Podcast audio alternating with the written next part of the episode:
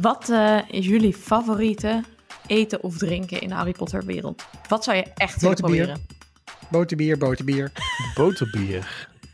Ja, als de mede in het een beetje lijkt op de mede in het echt, dan eh, alsjeblieft niet. Nee, het is echt vet zoet, hè? Echt niet te zuipen, jongen. Ja. Oké, Esther?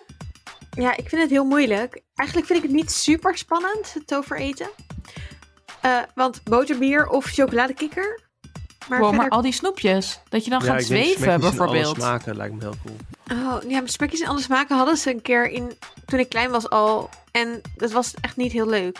Maar goed, het was natuurlijk niet de echte shit, dus oké. Nee, de echte shit wil je hebben. Dat je echt verrast kan worden. Dat je niet aan de kleur kan zien wat het wordt. Oké, dus zeg maar, dus gewoon de, de Russische roulette Doritos. Is. Nice. Wat mij dus echt best wel vies lijkt, is pompoensap. Oeh, ja. Toch? Het is gewoon best wel zoetig melig. Ja, nou, wacht maar tot je een keer zuurkoolsap hebt gedronken. Dan, eh, Wat? Why? ja, ik heb van die biodynamische vrienden, weet je wel. Godse kleren. Oh, Heerlijk. Het is weer duidelijk. We zijn eh, de Amsterdammers die over eh, Harry Potter praten.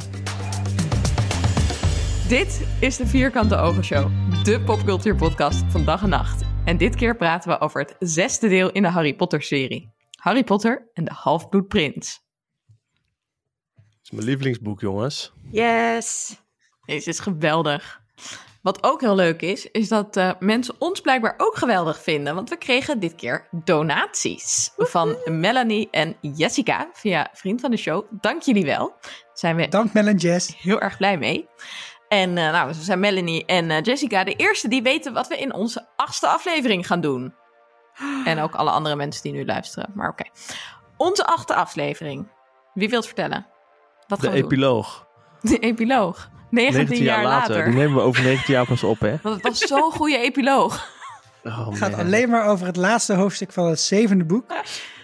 Tekstexegese. Ik vond de Eigenlijk- film daarvan heel goed. Oké, nou Nee. eigenlijk gaan we dus dan opnemen over alle dingen die jullie verder nog willen weten. Dus, Ja, het wordt gewoon eigenlijk... Elk, bij elke bespreking vergeten we natuurlijk iets. Want er gebeurt zoveel in alle boeken. En dan luisteren we ook zelf naar de aflevering en denken we... "Oh, waar hebben we het daar niet over gehad? Ja, waarom heb ik Dat- niet gezegd? Dat gaan we doen in die achtste aflevering. Dus alles waarvan jij ook tot nu toe hebt gedacht... hey, hoezo hebben jullie niet gehad over de linkervoet van Marcel Libbermans? Bijvoorbeeld. Of, het, of de moedervlek van eh, Albus Perkamentus. Mhm, mhm. goeie. Daar Ja. heb ik straks iets over. Anyway, Shit. Weet ik maar al. Nou, als dus ik het daar nu vergeet te zeggen, dan hoor je het in aflevering 8. Ehm, die nemen we op op 29 april. Dus stuur ons voor die tijd je vragen, je suggesties, je commentaar, je crazy theorieën. Love them. Willen het Ja. allemaal weten. En dan nemen we ze mee. En waar sturen ze die naartoe? Vriendvandeshow.nl slash vierkante ogen. Of via Twitter of via de post. Hebben we eigenlijk al post gekregen? Ja, dat vraag ik me ook af. Ik heb post gekregen. Echt? Oh my god. Alleen jij. ik Waarom jij? Ja, alleen jij. shit. Wauw. Ehm, ja, het was ehm, eh, aan de Vierkante Ogen Show, maar dan daaronder Esther. Dus eh, eh, ja, dus Dat ben jij. dat ben ik. En ook met een, met een envelop voor Esther. Met een L Met een bakzegel of niet? Nou, dat nog net niet, maar wel met een L erop. Dus er is wel aandacht aan oh my god, zo Harry Potter. En het is een gedicht. En nu moet ik het natuurlijk voordragen. ja. Oké. um, her voice enchanting as a choir of Vila. More beautiful though in every way. I wish she was mine. She's really divine. She's my Felix Felicis every uh, each day. Mm. Oh, hartje, hartje, hartje. Staat er een naam onder? Nee, het is anoniem. Oh, van Anoniempje 69. Love it. Ja, ik vind Ik het vind het ook. wel dubieus. Ik vind het heel leuk. Ik vind het wel een dubieus compliment. Een koor van villa's, van uh, Zwaar Morgana stemmen. Wat denken jullie? Ja, wel betoverend natuurlijk. Maar ja, ook wel een beetje eng misschien. Nou, kijk, Ik vind het jammer dat het geen houder was. ik moest hierdoor dus denken. Zou er een andere versie van een houler bestaan, maar dan een soort liefdesding die het in je oor fluistert? En hoe weird zou dat zijn? Ja, Heel mooi wit eh, duifje komt aanvliegen met een Nee, briefje, maar ja, dan Ik liefdes. moet denken aan Harry Potter en de geheime kamer. Ja. Met die, eh, Die dwergen. met die dwergen. Die dan eh allemaal vet kutgedichten gaan zeggen. Maar dit is wel een mooi gedicht. Maar die dwergen maken kutgedichten. Ja, ik heb dus iemand betoverd door mijn stem. Maar ik vind Ehm, ook dat het soort van een beetje rijmt. Choir, op sterk water. Nou ja, niet helemaal, maar misschien.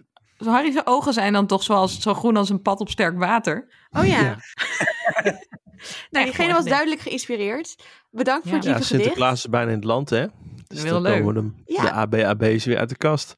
Ja, wel beter dan Mees Tyrell dit. En Zeker. omdat wij natuurlijk inmiddels allemaal jaloers zijn en ook post willen, staat het adres waar jullie dan naartoe kunnen sturen op vriendvandeshow.nl slash vierkante ogen. Dus mocht je Sander of Sikko willen complimenteren, Een ode aan mij. Allemaal welkom. Of Stuur gewoon iets op. aan ons allemaal. Of Van een tekening. Of zo. Vinden we ook leuk. Eten Pizza's mag ook. bier. Ik ben dan degene die dichtst bij de studio woont, dus ik kan het dan ophalen voordat het bederft. Bederfd. Ja, het moet gewoon eh, onbederfelijk zijn. Goed. Over onbederfelijke dingen gesproken. Dit boek van Harry Potter. Het is al een hele Ja. tijd uit, maar het is nog steeds fantastisch. Mhm. Maar hebben jullie hier eerste herinneringen aan? Ik ben eerst benieuwd waar het ook weer over gaat. Ja, Oh, ga je niet nou, ben ik samenvatten? gewoon totaal vergeten te bedenken. plot. Anders weet ik niet Oké, over welk boek we het hebben, Anluna. Ik ga dit improviseren. In Harry Potter en de Halfbloedprins, en ik schud dit gewoon zo uit mijn mouw, gaat Harry naar zijn, voor zijn zesde jaar terug naar Zwijnstein. Daar vindt hij een boek waar allerlei crazy aantekeningen in staan. Hij weet niet wie het is. Het blijkt Snape te zijn. Intussen is Malfidus bezig met een enorm plot. Die blijkt allemaal mensen aan het vergiftigen te zijn. En uiteindelijk vinden Harry en Perkamentus samen Guzilement. Maar het is een neppe. En dan wordt eh, Dumbledore vermoord door Snape, omdat Malfidus het niet durft. Bam. Perfect. Ja, perfect. Ik zou nooit meer wat voorbereiden Nee, als ik jou. Dit Nee. is de beste tot nu voor. Geef je toe. zo ook college? Of, Kijk, eh, doe hier geen Die zagen uitspraak de over. handgebaren er ook niet bij. Ja, die, die maakt het eigenlijk nog mooier. komt gewoon binnen. Galileo, Hoppatee. be- leuke pik. Heeft een keer naar maan Ah, gekeken. Sterren. Leuk. Zo Ah, gaat oh ja, hij dat. is toch be- beroemd. Zo rol ik. Nee. Maar hebben jullie nog dingen aan te vullen? Heb ik dingen gemist? Nee, het is zo compleet. Het was helemaal, Ja. helemaal compleet. Love it. Ja, tenzij je dat, dan eh, Er wordt eindelijk wel weer gezwerkbald met eh, Ron in het team. Oh, dat is waar. Dat is leuk. En Felix Fortunatus moet je wel even En iedereen is verliefd. Iedereen ja, is er wordt verliefd. getonkt. En Slakhoorn, je hebt ook nog een hele leuke extra docent. Dat is waar. Het is een hele leuke extra docent. Oké, heel goed. Maar oké, nu we het plot weer op een rijtje hebben. Wat zijn jullie eerste herinneringen? Ik heb heel veel eerste herinneringen eindelijk. Dus ik mag eindelijk wat vertellen over mijn herinneringen aan dit boek. Want eh, ik herinner me dingen. Extra me- toepasselijk, omdat dat Ja. zo'n thema is hier. Ja, leuk hè. Ik eh, herinner me dat ik op een wintersportreis ging. Want dit was in mijn studententijd. In het begin van mijn studententijd uitgekomen. Toen ging ik op wintersportreis. En toen eh, zat ik in de bus van Husk. Op weg naar een van de Frans Zuipoord. Waar, we nu, waar je dan met z'n twintig op één vierkante meter mocht spaan, staan. Wat nu Mhm. niet meer mag. Heerlijk. En toen eh, was ik nog bijna aan het eind, dus ik moest hem meenemen. En toen had ik de nieuwe, nieuwe boek ook al uit, want die was al uit. En toen eh, ging Perkamentes dood. Toen heb ik het boek door de bus heen geflikkerd, omdat ik echt heel boos en verdrietig was. Oh, ik was ook een beetje dronken. dus, nou goed. misschien. Ik heb ook een eerste herinnering aan de film.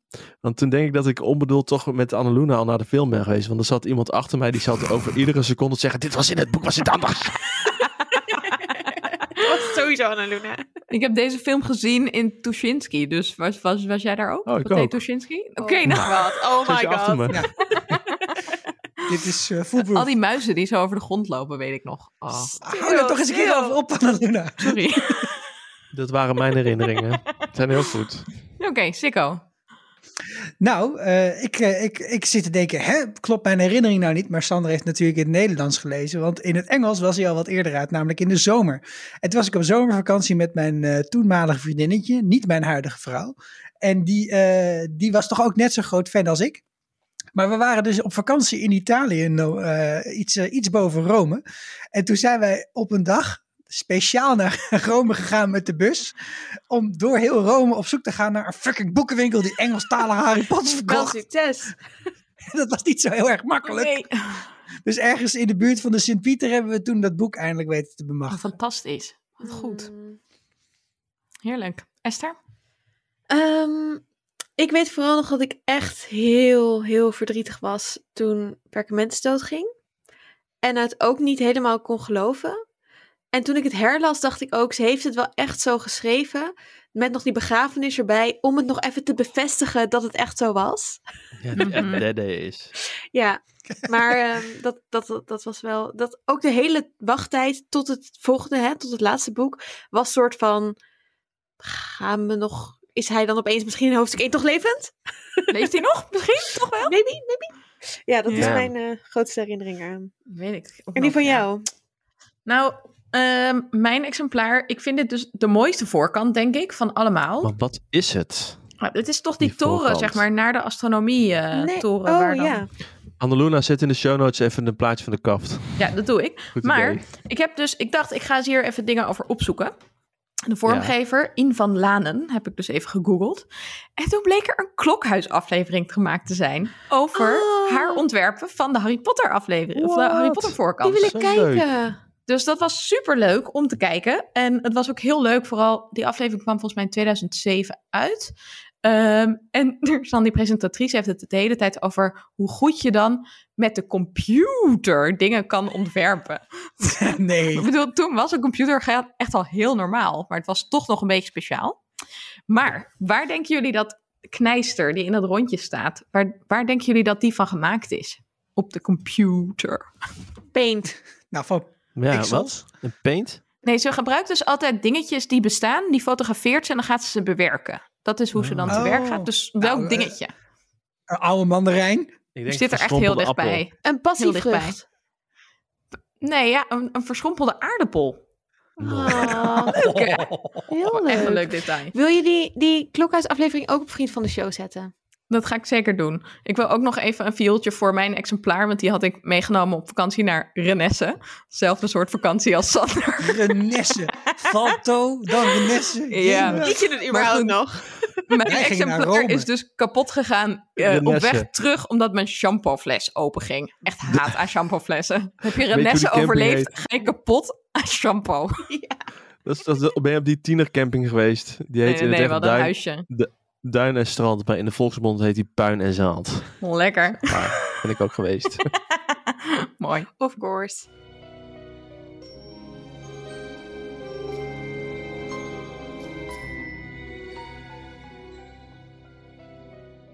Nou, dan is het tijd om het eh, te gaan hebben over de slijmballen van boek 6.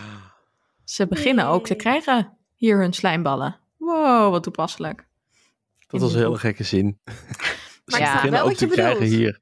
Ja, Dankjewel, snap Esther. Dan mag jij nu als eerste je slijmbal delen over boek 6. Oh, dit plastic favoritism. Haha, haha. Het heet niet voor niets slijmballen. Ik ben de slijmbal. Eh, Oké. Ehm, Wees maar trots. dit is wat slijmballen doen, oké? Oké, dank je. Mijn eerste is, gaat over het begin. Ik vind het zo leuk, dat stuk dat, hij- dat ze de premier, die other prime minister heet het hoofdstuk volgens mij ook, de andere minister-president, ehm, dat Droebel dan op bezoek gaat bij de prime minister in Engeland. Ehm, maar een klein detail dingetje waar ik me altijd al over, ehm, eh, wat ik me afvraag is, hij zegt dan, ja, maar ik heb een afspraak om, om te bellen met de minister-president van Frankrijk of zo, een ander land. En dan oh nee hoor, we laten hem gewoon vergeten om je te bellen. En laten hem dan zorgen dat je morgen eh, door diegene gebeld wordt. En dan denk ik, hoe? Hoe zouden ze dat gaan doen? Kunnen ze op Hmm. hele lange afstand toveren? Nee. Dus hebben ze contact met mensen die in het office van die prime minister dan een portret hebben hangen. Maar kan een portret iemand iets laten vergeten? Nee, dus daar moet ook iemand heen om diegene te laten vergeten. Dus gewoon dat hele proces vind ik gewoon heel leuk om over na te denken. Fucking ambtelijke apparaat. Ja, dus er moet een, Awesome. een heel systeem zijn tussen al die mensen die in contact staan met de prime ministers of whatever, regeringen van hele. En hoe ver is dit netwerk? Is dit ook zo bij bijvoorbeeld, I don't know, mensen van politie? Eh, eh, eh, afdelingen. Want er zijn heel Hmm. vaak eh, misdrijven die dan soort van. Het is handig, denk ik, als je in elk politiekantoor een portretje hebt hangen. om te weten of er iets binnenkomt waarvan je denkt: oh crap, dit is iets magisch. Maar hoe is het systeem en hoe wordt het gemonitord? En deze surveillance van de Wizarding World in de gewone wereld. Oké. En hoe zit het met privacy? Ja, en wat zegt het over de privacy? Inderdaad. Holy Goed. moly. Ik ging even Leuk. een rabbit hole in. Dat leuke Dat wilde ik even delen. Nou ja, misschien hebben mensen er hier wel over nagedacht. Deel het Mhm. vooral met ons. Sander. Ja, dit, ik, eh, wat ik zei, dit is mijn lievelingsboek. Dus ik ga heel vaak gepassioneerd over dingen vertellen in dit boek. Ah, dat vinden is we waar deze leuk. podcast voor bedoeld Nee, dat doe je normaal nooit. Oh, sorry. Oké, dan ga ik nu mopperen over dingen die kut waren. Nee, nee, weet je wat ik me afvraag? Dat vroeg ik me ook al af bij, de, bij boek 4. En toen ben ik het vergeten, dus ik dacht, gooi hem nu in. Want nu zit de onbreekbare eten in. Hoe werkt het nou eigenlijk met die magische contracten? Hmm. Want hij, eh, eh, hoe, hoe zit dat? Want hij, Ron zegt van je gaat dood als je het verbreekt. Nou, de, for- de formulering was, liet wel te wensen over volgens mij. To the best of your abilities. Dus, dan, dus Snape gaat nooit dood, denk ik. Maar goed. Hoe, hoe- werkt dat? Wat gebeurt er als je dan niet meedoet aan het toverschooltoernooi bijvoorbeeld? Terwijl je wel je name in de Ja. goblet of fire hebt gedom- gedropt. En, en op welk moment wordt dan besloten van... nou, dit is toch wel zeg maar je deadline Ja. om mee te doen of niet mee te doen? Ja, Dus- dat vraag ik me af. Is het een soort van, oké, je moet nu perkamentus gaan vermoorden... maar als je het over 30 jaar doet, is het ook oké? Of is het nee, het moet binnen nu en een jaar? Is net zoals Oh, bij jullie- eh, jullie pakken Lily en Marshall van aan eh, allemaal. Lily en Marshall van How I Met Your Mother hebben toch van die lange termijn weddenschappen. Oh ja. Werkt het zo? Zo leuk is dat. Hmm. Slapbed. Ja. Ja, nee, ik, ik denk dat dit, dat dit juist een beetje dat, eh, dat, dat, dat, dat juridische overslaat of wegneemt. Je hebt gewoon heel vaak, als je probeert een afspraak met iemand te maken, dan ga je heel lang over de, als je echt een contract probeert op te stellen, ga je heel lang over de bewoordingen en over dit, terwijl je eigenlijk gewoon meestal toch allebei gewoon met een bepaalde intentie dat doen, doet en dat gewoon dan af wil spreken. Punt. En dat vind ik wel leuk, dat die magie dat lekker voor jou interpreteert. En dat is natuurlijk het, het, het interessante aan contracten in de, in de mensen, hè, in het reuzelwereld, is dat, dat je ze, ook al breek je ze, dan moet het nog steeds, moet iemand op een of andere manier gaan afdwingen dat je dan ook de consequenties daarvoor betaalt. En dat is zo leuk aan deze contracten. Deze, die, die hoeft, daar hoef je dus helemaal niemand voor te hebben. Je hebt helemaal geen, eh, geen rechtbank te vernodigen of zo. Ja, je wel hebt een binder of punt, zo. dat is waar. Ja, je hebt een binder nodig, ja. Ja, een binder, maar dat, dat is een getuige. Dus niet hetzelfde als iemand Ja, die een soort rechts... Maar is die dan niet degene die het bepaalt op een gegeven moment? Van nou, nee, nu heb je het niet gedaan. Ja. Nee, ik denk dat Wat denk het jij, Ja, misschien wel. Ik denk dat het echt helemaal je eigen ehm, judgment, een soort van, je weet zelf, echt diepe eerlijkheid, of je iets to, to your best of your abilities aan het doen bent. Of dat je denkt, whatever. En dat is het moment. Maar waarom gaat Snape dan niet dood als hij Perkamentus vermoordt? Maar dan denk ik, misschien is het dus zo dat het tegen je gaat werken als een soort vloek die op jou rust. Zoals ook bij Perkamentus, de vloek van het Ja. gruzelement. Waardoor hij daardoor het jaar daarna doodgaat. Spoiler. Oh my god. Waarom? Ik heb het boek nog niet gelezen. Ik had het nog niet hoor. uit. Gaat Snape ook dood? Nou ja, ook al. Sicko. Nou, nou dit, Dit is wel. ik Nou, ik wil hier nog even, nog even één keer door. Want ik, vond- dat is- ik vond dit namelijk echt gewoon geniaal. Dit is, dit is wat mij betreft echte magie. Dit is, een, dit is een magische oplossing voor een probleem dat heel herkenbaar is. Ik dacht dat je ons gesprek bedoelde. dat, ik vind het heel leuk dat dat, dat dat in dat boek zit. En dit, dit maakt het ook. En, en je hebt het op een gegeven moment ook wel een beetje. We zullen dat zien met, eh, met Peter Pippeling natuurlijk in zekere zin ook. Dat je een soort van schuld kunt hebben. En dat eh, met de moeder van Harry ook dat liefde een bepaald soort eh, heel hard effect kan hebben. En ik, ja, dit, dit vind ik old magic. Ik, ik vind het helemaal fantastisch. En het, er zijn ook wel mensen die erover nadenken om dit in de echte wereld een soort van te laten werken. Dus automatische contracten. Maar dan, dan valt het woord blockchain in een gesprek en dan ben ik meestal gewoon afgehaakt. Ik vind wel dat ik hier merk dat wij gewoon echt steeds meer naar echt puistniveau toe gaan. Dat gewoon op de slijmballen worden gewoon al puisten. Zo Ja, dat is wel complex. We worden ook wat ouder. Wauw, Hmm. love it. Sikko, heb je een echte slijmbal? Wordt snappy pam. Nou, ik kan, ik kan ook dan niks anders dan, eh, dan Esther nog even eh, echoen. Want ik vond het eerste hoofdstuk dus ook fantastisch. Ik vond het ook leuk dat het hoofdstuk daarna ook een hoofdstuk is zonder Harry. Dus dat is echt best wel bevreemdend. Dat maakt, vind ik, dit boek heel volwassen. Dat je in plaats van dat je de hele tijd achter dat stomme jongetje aanloopt. Dat je het eh, wat, eventjes met wat meer oemf ziet hoe die hele Wizarding World eruit ziet. En wat ik leuk vond om uit te vinden in mijn boek History of Magic. Is dat dat hoofdstuk dat eerste hoofdstuk, dat, dat bestond dus al heel lang. Dat heeft ze echt al eeuwen geleden geschreven, maar dat was dan in een hele andere, andere vorm. Dus dan zou Hagrid langsgaan bij de prime minister en die zou vertellen dat eh, Voldemort eh, was verslagen. En ze heeft dat, het was dus gewoon in het concept, de kern was een heel goed idee, maar het is pas heel laat een keer echt gebruikt in de boeken. Wat leuk. Tof. Ik eh, kwam in dit eh, boek een eh, woordgrap van Sander niveau tegen. Die wordt gemaakt Wow. door Perkamentus. Namelijk als eh, ze voor het openingsdiner op Zwijnstein zijn. En dan eh, verwelkomt Perkamentus alle leerlingen. En dan spreidt hij zijn handen in een verwelkomend gebaar. En dan zien alle leerlingen dat hij die zwart geblakerde hand heeft. En dan grapt hij. Niks aan het handje. Hallo. Oh, Ik vind het Sander echt gezegd kunnen is hebben. Echt, dat is niet, zo flauw maak ik ze echt niet. Maar is dit alleen in de Nederlandse Nou. vertaling? Want wat is dit in het Engels? Ja, dat weet ik niet. Ah, ik zoek het al op. Oké. Zoek het op, Yes. zoek het op, Ga jij dat even doen? En Gaan we de door naar klok gaat aan. We gaan het even tien, Ik ga misschien voor twaalf, twaalf. sorry. Serieus? Echt? Waar, en Ja, ja. waarom heb je mij daar niet voor gevraagd? Nou, Oké, ik ben ander gevraagd. gesprek. Eh, even kijken. Oh ja. Ehm, verschijnselen. Dat is wat er in dit boek eh, eh, ehm, gaat gebeuren. Ze, gaan, ze krijgen les. Ehm, Ja, van Twinkie, Tw- Swinkie Trycroft. Of weet ik hoe een of andere. zijn zo Ja, leuk. de drie. eh, eh, wat is het? De drie B's. Ehm, De drie P's ken ik de- wel, maar ja, dat is echt iets anders. Ik, ja. En ehm, Ik denk, ik heb dit allemaal opgezocht voor de quiz. Ik ga het nu nog niet delen. heel goed. Ja, ik, maar ik- de quiz Je kunt is voor mij niet meer. Nou goed. Ehm, Wilco Drijsma. Oké, Ja. top. Eh, dus, maar ik dacht, oké, bijvoorbeeld, er zijn plekken waar super veel mensen heen verschijnselen. Bijvoorbeeld naar Zwijnsveld. Want als je naar Zwijnsveld wil, dan moet je daarheen, want je kan niet verschijnselen naar het kasteel. En ehm, de weg is weg, bijvoorbeeld ook.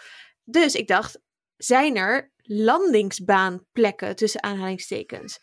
Want stel het is uitverkoop in Zwijnsveld of zo. Dan krijg je toch een Ja, soort Black van Saturday. mega run. Als er de hele Black midden in die, in die stad, of in dat dorp, mensen midden op straat verschijnen. is vet onhandig. Zouden er plekken worden aangewezen, een soort van parkeerplaatsen, landingsbanen, maar dan waar je gewoon vrij kan verschijnselen. Bijvoorbeeld de kelder van de lekke ketel. Zodat je niet Hmm. op de stoep hoeft te verschijnselen voor de deur bij de muggles. Maar ook niet in een café. Ben ik benieuwd naar.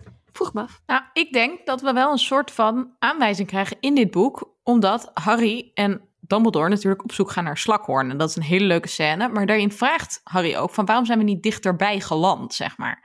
En dan zegt Pergamentus gewoon ook van nou ja, dat is echt vet onbeleefd. En ze lopen echt best wel een heel stuk. Dus het is ook blijkbaar onbeleefd om gewoon voor de deur te gaan wachten. Of in de tuin of weet ik veel. Ja, Dus ik denk dat er ook een soort van consensus zal zijn van... oké, je gaat niet voor de deur van een winkel... maar Ja, dus aan de je loopt gewoon een dorpje binnen of zo. Ja, en het maakt ook geluid, toch? Om te apparaten. Ja. Is ook een loud crack. Het is ook heel verdacht als de hele tijd op het, voor dezelfde deur. Maar ik vraag me wel altijd af hoe luid die crack nou is. Vooral in boek 5 eigenlijk, waar dan de hele tijd George en Fred verschijnselen binnenshuis. En dat dan Molly Weasley dat blijkbaar niet hoort... terwijl ze wel aan de deur gaat luisteren of ze praten. En dat je denkt, ja, ja. goed punt. hoe weinig hoort ze nou? Of hoe hard is het? Belletje. Eh, geen woordgrap in de Engelse versie. Ah. Punten Helaas. voor Wiebe, hoe heet die Wiebe Budding? Budding. Wiebe- ja, Budding. Boeia. Lekker bezig. lekker bezig. Oké, Hey, Sander. waarom denken jullie dat, eh, wa- waar zou het symbool voor staan dat boeken duurder zijn dan toverstaffen? Wow, is dat zo? Daar ben ik Boeken duurder dan. Ja. toverstaffen? ja, advanced potion making is 2 galjoenen duurder dan een toverstaf. Wauw. Daarmee zeg ik de prijs even niet voor het geval dat hij nog in... eh, Kennis is meer waard dan ja, praktische tool. Ja, toch cool? Ja. zeker. Dat viel me op even bij het lezen. Hmm. Dat was het. Dat was mijn, dat was mijn slijmbal. Of Kort maar krachtig, want kennis- het moest van de baas. Kennis is minder toegankelijk dan gewoon Precies. maar shit Ik doen wist met al een, dat hier weer een, wand. eh, Ja. Een activist om de hoek te komen zetten. Het gedoe met een wand. Ja. Dus het gaat erom wat je ermee kan. Dat je weet wat je ermee kan. In plaats van mm, dat je... Ja, Nou ja oké. nee, laat oké. maar. Ja. Of het komt omdat Olivander in zijn eentje werkt, terwijl je voor een boek drukken veel meer verschillende mensen nodig hebt die je allemaal moet betalen. Bijvoorbeeld voor het proeflezen en zo. Maar dat ja, zou ook kunnen. Maar ik zit wel een beetje op de lijn van Esther. En ik denk dat zij ook het boek Magical Capital heeft gelezen van Hickety Pickety. Mhm, mhm. Oké, Sikko, doe je ding. Volgende Zal slijmbal. ik mijn slijm wel doen? Ja. Nee, wat ik, wat ik, eh, ik, ik zit op dezelfde lijn als Sander. Dit is, dit is wat mij betreft, volgens mij jullie eigenlijk ook. Maar volgens, dit is gewoon het beste boek van alle boeken. Nee. En eh, waarom? Dit is een heel leuk boek, vind ik, omdat het ook weer een, een bepaald soort herkenbare emotie en eh, herkenbare dagelijkse praktijk met zich meebrengt. En dat is dat hij in dit boek is Harry bezig met twee dingen die zich op een heel ander schaakbord afspelen. Seks? Dus hij is bezig Bravi. met, met een horcrux en het krijgen van een herinnering. En dat is echt, zeg maar, volgens Dumbledore, eye on the prize, eye on the ball. Dit is het allerbelangrijkste wat je op dit moment moet doen. Maar er is ook nog dat mondaine, dat day-to-day. En dat is dat Malfoy ergens door het kasteel heen ban- banjert en iets aan het doen is. Waar Dumbledore duidelijk geen reet om geeft, maar waar hij de hele tijd door afgeleid raakt. en dit is wel een hele interessante metafoor voor je dagelijkse werk of voor je dagelijks bestaan of voor je studie. Is gewoon heel erg dat je afgeleid raakt door mondaine shit. ja. Terwijl je eigenlijk ook wel weet, het allerbelangrijkste is hier die herinnering van Slakhoorn. Nou, en vooral dat dan Dumbledore dat gewoon ook al weet. En dat het dus echt niks nieuws brengt voor, Ha- voor Dumbledore. Als Harry dan komt met zijn... Oh, ik heb echt iets ontdekt. Dus dat zo... Nee, dude. Leuk geprobeerd. maar hij is ook door iets anders nog afgeleid. En dat is Ginny. En dat vond ik dus Ja. heel leuk aan dit boek. Ginny sowieso... ja, ze, nou ja, ze is gewoon geweldig. Ik vind haar heel tof. Het zit wel af en toe misschien... Is ze misschien een beetje te veel, zeg maar, een cool girl. Dat het zo is van... Oh, dit is zo'n tof meisje dat dan nooit huilt. Bla, bla, bla. Dat vind ik ook weer een beetje flauw misschien. Toon je ik ben kwetsbaarheid. bijna- ja, ik ben bijna bang om nu te vragen aan Sikko en Sander. Ehm, Esther en ik hebben natuurlijk al wel eens gezegd dat wij ons wel herkennen af en toe in Hermelien. Herkennen jullie nou dingen van jezelf in Harry en in Ron? Wij herkennen jullie ook in Hermelien hoor. Oh, Ja, yes. niet ik weet, ik, je mijn mening nog over Hermelien? Ja, Dat is een zeker. grapje. Ik dacht, ik ga nu proberen om hier aardig op te reageren en genuanceerd in plaats van meteen... Annaluna probeert je gevoelige kant eh, wat meer in de aandacht te zetten. Sander, herkende jij je nou in Harry? Of in Ron? Ja, herkennen jullie dingen van jezelf? En daar heb ik niet over nagedacht. Dat je, dat je moet voorbereiden met me. Nou, ik moet zeggen dat, dat zeg maar dat gevoel wat je kunt hebben bij een meisje Ja. en dat je echt even denkt van shit, de wereld staat stil en ik ben helemaal afgeleid en ik ben hiermee bezig en dat, dat zal allemaal wel. Dat soort gevoelens die hij beschrijft, eh, wel. Wat ik niet zo heel erg heb, is hij is ook agressief, vind ik. Dat, dat eh, als hij dus Harry. die, als hij Ginny ziet zoenen met iemand anders, dan heeft hij bijna dezelfde reactie als Ron eigenlijk. Mhm. Dat hij hem bijna wil slaan, volgens mij zelfs. Dat, dat heb ik niet zozeer. in Nou, ik heb wel, wat ik herken is dat ik wel eens dan, als je, eh, toen maar vroeger, want ik ben nu inmiddels bijna 14 jaar met dezelfde persoon. Maar daarvoor had ik in middelbare school, als je dan verliefd was of zo, dat ik het echt, dat ik dat niet durfde te zeggen. Dus dat ik dan ook maar gewoon, om- iemand die, die wel heel makkelijk was, ja sorry, dat ik daar dan een verkering mee had. Ja, nee, nee, dat Zo'n klinkt alsof ik een vra- afleidingsverkering. Nee, maar of heel makkelijk was. Nee, maar ik bedoel, eh, waar ik zeker van wist dat diegene mij ook leuk vond. Dat is misschien Beetje zoals de even, Ron met Lavender. ja, eh, zoals Ron. Dus dat, dat herken ik wel. Oh, ja. Eh, maar wat ik niet herken bij Ron, wat ik ook herken bij Ron, is ik heb thuis een, we een breinaalden en dan pro- probeer ik wel alsof, alsof het een toverstok is en dan gebeurt er ook niks. Ah. Dat is bij Ron. Oké, Dus dat. mooi. Ik herken de agressie van Harry trouwens wel heel goed. Maar mijn boksleraar heeft laatst ook tegen me gezegd dat ik te agressief ben. Dus Wat zei jij? Wij zeggen niks. nee. Ik zweer het je, we gaan erachter komen dat Annaluna een gruzelement is. Oké, Esther, snel door. Oké, ik heb wat dingetjes opgezocht over Sectum Sempra. Want ik vroeg me af, hoe werkt Ja. het precies? En ehm, er zijn allemaal theorieën over wat die spreuk nou precies doet. En ik heb even de leukste. Dat is namelijk dat het is alsof je een zwaard gebruikt, maar dan met je toverstaf. Dus als je Sectum Waar Voldemort hem zegt, ook mee doodmaakt. Ah. dat zou kunnen, ja. Maar dat je soort van, ehm, dat, dat dacht ik, dat wil ik in het volgende boek zeggen. Mhm. Oh, Maar sorry. ja, dus er is ook een theorie Neem dat. Voldemort Snape eh doodt ook met Sectum Sempra. Deze keel doorsnijdt. Maar, ehm, dus dat je soort van, je zegt de spreuk en dan beweeg je je toverstok. En daarom kan Snape ook in het volgende deel ook het oor van Fred afzagen. George. Eh George, wow, oeps. Honestly, woman. En er is nog één detail over Sectum Sempra wat ik echt met jullie wil delen. Want eh, heel veel spreuken die worden bedacht. En ik heb ook heel veel gelezen over hoe worden spreuken nou eigenlijk gemaakt. Ook super interessant. Dat is mijn slijmbal. Hoe, hoe worden spreuken uitgevonden? Dat ga ik dadelijk stellen. Oké, Oké, maar Esther ging ik het wil volgens mij nog nu één ding zeggen vertellen. over Dus... Sectum Ja. Sempra. Dat Ja. is dus dat de basis Latijnse woorden zijn. Sectum voor slashen of een cut, of een, een wond, of een, snij, iets, snijden. En Sempra voor altijd. Wat soort van Ja. always. Het, het woord van Oh. Snape is Ja. Sempra always, altijd. Oh. Wow, vond Wat ik best wel leuk. vet.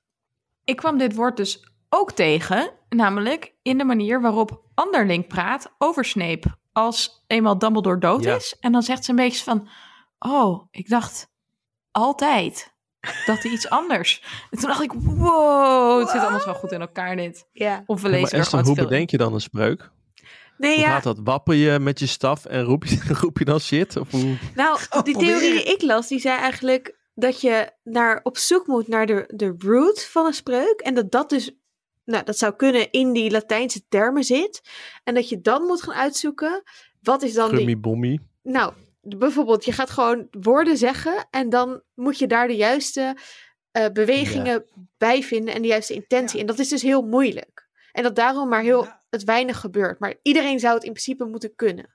Maar ik weet niet of het klopt. Ik vind het, het is super leuk dat in dit boek ook een soort met eh, Lupin wordt besproken van ja, sommige spreuken gaan gewoon een beetje in de Ja. mode en dan gaan ze weer uit de mode. net zoals knikkeren. Ik zat op een gegeven moment ook, dus die, die spreuk zat in het vorige boek ook, eh, Levi Corpus, dat is dus dat, dat je een, een lichaam optilt, hè? Mhm. alsof het aan een soort haken hangt. En- Maar je hebt ook een spreuk, dat is Wingardium Leviosa. En dat is een beetje van, ik geef iets vleugels alsof het vliegt of zo. Maar het lijkt wel alsof Levi Corpus een soort van aangepaste variant is van Wingardium Leviosa. En toen zat ik te denken, werkt het dan een beetje zoals programmeren? Dat je zegt van, selecteer alle dingen met een A, selecteer alle dingen met een B daarna. En dat je, dat, dat je het op elkaar kan bouwen. Kun je bijvoorbeeld ook zeg maar, een paar spreuken achter elkaar zeggen, die dan in combinatie van elkaar iets betekenen. Dat bijvoorbeeld alle paarden in de stal verliefd worden. Oddly specific. Hoe kom je Hey, hierop? Een dwarsstraat noem ik dat. Interesting.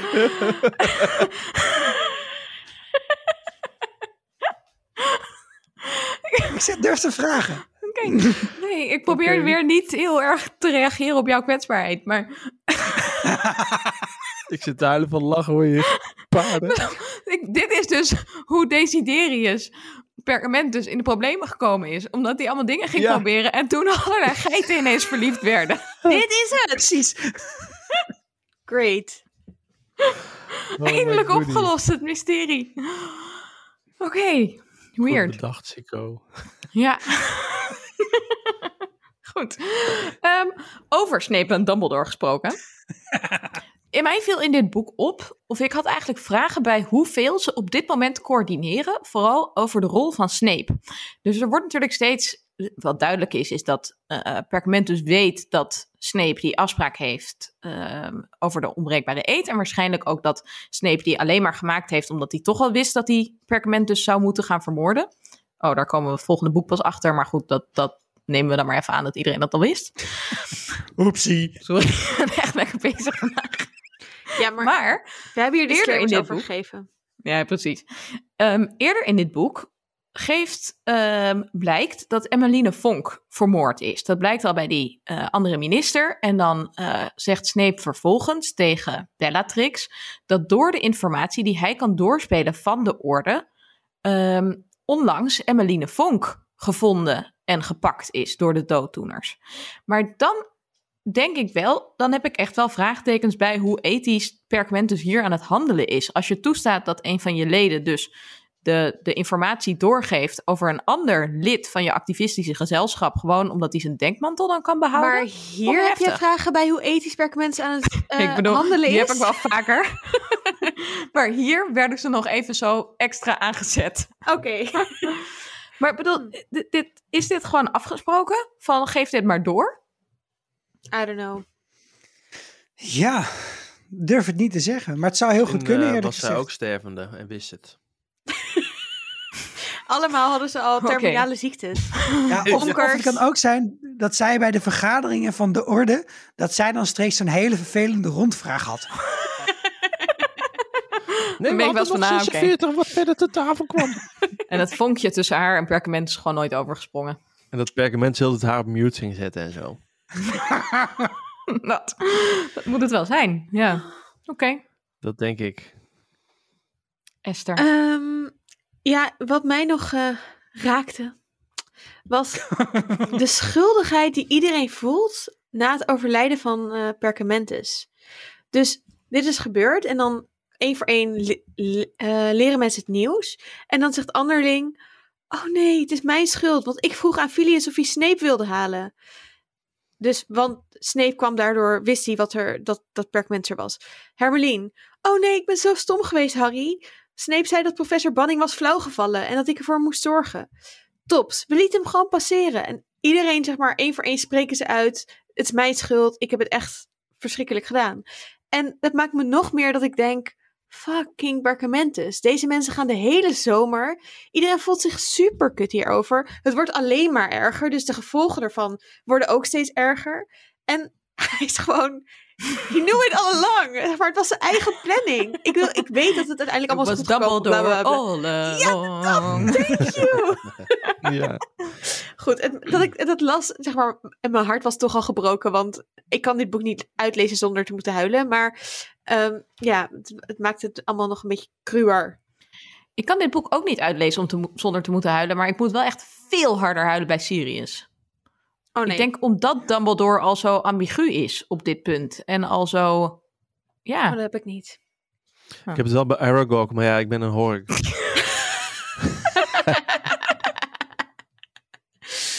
Nee, Oké. lief. good to know. Hey, ik, eh, wat, ik, wat voor mij dit boek het, een van de allerbeste, al dan niet het, dan het allerbeste boek maakt, is hoe goed de opbouw van het haten van Snape eh, hier nog eens wordt aangezet. En het wordt echt verdrievoudigd in vergelijking met alle boeken eh, hiervoor, zeg maar. En dat vind ik echt, eh, dat, dat zit in zoveel lagen. Dus eerst komen ze bij hem thuis en dan gaat ze in één keer, because of plot, natuurlijk Defense Against the Dark Arts geven. En nou, er zitten allemaal allerlei zulke diepe haatlagen in. En het begint al in het begin dat ik, ja, en, in- dat je ook op het moment dat hij dan Perkamentus vermoordt, is dat ook echt de druppel dat je echt denkt, wat de fuck gast, ik haat je helemaal echt maximaal. En dan Ja. blijkt hij goed aan het eind van boek 7. En ja, ik vind dit gewoon perfect. Ik vind het echt heel goed. Dus dit, dit maakt voor mij het boek gewoon altijd weer leuk om het te herlezen. Omdat ik, net zoals Anneluna, ook wel goed ga op haat. Af en toe. Ja, maar denk je nou dat Snape het echt meende? hè? Is hij gestorven? Daar kregen we een luisteraarsvraag over, toch? Ja, van Marco. Die zei van, eh, want we hadden het de vorige keer over onvergeeflijke vloeken. Hele goede vraag. Eh, en die zei van, eh, we hebben het erover dat je het echt moet menen. En meende Snape het dan ook echt dat hij Perkamentus dood wilde maken? Of kreeg hij gewoon een dreun van een spreuk en flikkerde hij daardoor van de toren af? Precies, ja. Dat was genoeg. ik denk dat hij het wel echt meende. Omdat denk hij ook het dat hij het gewoon... ook niet wilde. Precies, en dat hij het soort van uiteindelijk wel wilde, omdat hij wist dat dit een manier was om het vertrouwen te winnen van Voldemort, waardoor hij weer het uiteindelijke plan om Harry te laten leven en de legacy van Lily, bla bla bla. bla. Dus ik denk wel dat hij het echt wilde, ook al was hij er wel conflicted over. Nou, ik denk dat hij ook wel boos was. En dat zie je ook wel eh, eh, in eh, een van die gesprekken met Hagrid. Hè, die vertelt van dat Perkamentus en Snape hadden ruzie. En je hoort ook later in de hersenpan in boek 7... dat, ze ook, dat, hij, dat Snape het echt niet oké vond. Dat Harry alleen maar beschermd wordt om op het juiste moment te sterven. Ja. Esther wil heel graag iets zeggen, zie Nou, ik aan haar eh ik, non-verbaal. moet opeens zo denken aan Judas, het gesprek tussen Judas en Jezus in, eh in Jesus Christ Superstar. Maar überhaupt, dat thema, dat, dat. Judas zegt, waarom de fuck moet ik je, oh, in de Bijbel, die, De- Ook een goed ja, boek. dat, waarom moet ik je verlinken? Beetje Een soort van, dat, dat vond ik heel vet tussen eh Perkament en Snape. Logisch dat Snape zegt, waarom moet ik dat doen? Waarom zadel je mij op met die last? En dat is gewoon een heel erg oud thema al. En dat, daar raakt dit boek gewoon even aan. Ja, ik vind het gewoon, eh, dat maakt het voor mij echt eh, nog, nog beter dan de rest. En dat was het. Dat was mijn slijmbal. Nou, ik heb eigenlijk ook niet zo heel veel dingen. Ik heb er wat frutseltjes, maar dat komt, wel, komt nog wel langs. Het enige wat ik me gewoon oprecht even afvroeg, is dat Harry die ziet in, die, in de hersenpan als Tom Riddle bij, bij Hepzibah Smith is, ziet hij dat locket. Of wat het Nederlandse woord daarvoor ook is. Wat is een, lo- wat is een? Medaillon, Medaillon. Medaillon. Oh, kijk, daar ga je. denk ik. Maar dat, ziet, dat ziet hij daar dan toch? Dat moet hij dan toch herkennen uit het vorige boek? Of was hij daar niet bij toen ze die kast aan het opruimen waren? Jawel, maar dat heeft hij toen heel kort gezien natuurlijk. En dat haal je dan uit een kast als een soort van, oh zooi. bedoel, Ik weet al niet Ja. eens meer wat ik heb weggegooid de afgelopen verhuizing. Ik denk ook dat we hem niet dit- echt... Geen actieve herinneringen. Heel weinig actieve herinneringen. Nee, maar dat is nee, het Harry ook. maar een hersenpan. Ja, maar hij herkent het nu toch ook niet? Hij heeft het nu ook niet in zijn hand dat hij denkt... hé, hey, dit heb ik eerder gezien. In het, ik bedoel, en, en nu ziet hij het echt. In zijn hand, van dichtbij. Nee, maar, Dus- maar die is nep, toch? Jawel, Ja, maar die lijkt daar wel op. Ja. Waarom eigenlijk? Ja, Overigens. nou ja. Wa- waarom? Wat is het punt? Nou, als precies? Voldemort- Je kunt toch ook gewoon een drol of zo in je bak leggen? is gewoon, hij is er niet meer. Ja, maar als Voldemort inderdaad heel erg haast heeft of zo. Ja. Of dan leg je er een mobiele telefoon en als je dat belt, dan zegt hij haha en dan klaar. Dat hoeft er niet per se een Ik vind medaillon te zijn. slim. Oh, misschien Ja. wel, ja. Als, Hij kan- als hij nog een drone zou sturen. Ja, of als hij nog Als een keer een, een eh, een huiself meeneemt en... Nou ja, I don't know. Zoiets.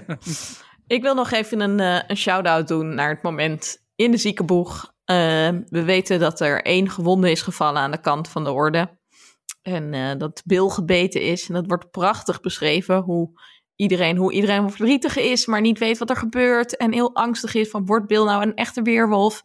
En dat ook duidelijk is dat mevrouw Wemel dan eigenlijk aankomt en die gaat de wonden verzorgen. En die zegt, oh, Bill, hij zou gaan trouwen. En er is de hele tijd spanning geweest tussen Fleur Ja.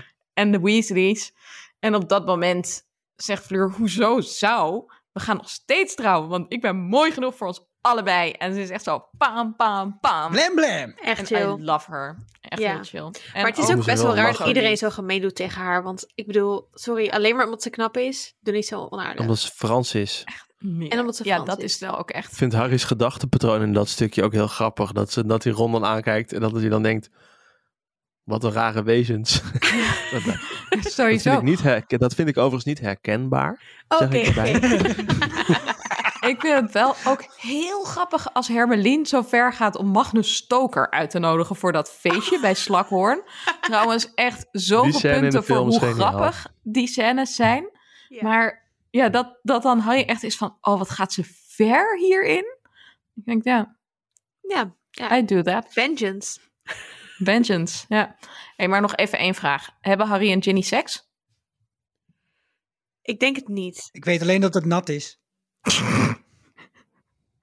Jij Maar denkt van ook- niet, Esther? Nee, maar ik wil ook nog wel één ding daarover zeggen. Want ik vind het zelf echt... ik- maar ik ben beïnvloed door Ginny in de films. Want ik vind Ginny echt niet goed gespeeld. Ik bedoel, ik vind die actrice heel leuk hoor. Maar ik vind, Thank you. vind er niet eh, de fierce Finny, eh, Ginny uit de boeken. Echt super zouteloos. Fierce Ginny. Finny. Ehm, Dat is een nieuwe bijnaam. Maar eh, ehm, eh, ik vind het zo stom dat aan het eind van dit boek zij elkaar in de ogen kijken. En dat ze allebei begrijpen. En dat ze- dat ze zegt, oh, ja, je wil elkaar zeker niet zien. Want je hebt, er, je hebt er zeker een of andere nobele reden voor. En ik vind het gewoon onzin. Ik vind het gewoon onzin. Het is niet nodig. Je bent een fucking slechte occlumens. Dus je kan toch niet verbergen of legit mensen voor Voldemort. Wat, ah, ah, een soort van, omdat je elkaar niet ziet, hou je niet meer van elkaar. Wat is het voor crap? Nee, Nee, als je het geloofwaardig had willen maken, had je ruzie moeten maken in het publiek. Precies, zoiets. en, maar, en ik denk dus niet dat ze seks hebben gehad, omdat ik gewoon Harry niet echt daar assertief genoeg voor vind op seksgebied en zoenen en zo. En Ginny misschien wel. Ginny is wel Ginny veel meer ervaren dan Harry. Ja, Ginny heeft wel seks gehad met Harry, maar niet andersom. Misschien, misschien. Maar het gaat wel de hele tijd over wat Dat voor ene moment bij de maar, palm tree. afgelegen Oh, ja. hoekjes op het schoolplein, school, schoolplein. Ik denk dat ze wel handdingen hebben gedaan, maar niet meer. Oh ja. Second base. Mhm. Want ze weet ook Oh, wat man. hij voor tattoo heeft op zijn borst. Oh ja. Ja, Pygmy Puff. Arnold, love him. Oké, tijd voor de quiz, denk ik. Oh. Sicko. Uh, ja, dames en heren, houd vast in uw stoel en luister goed in uw oortjes, want het is tijd voor de bliksemronde.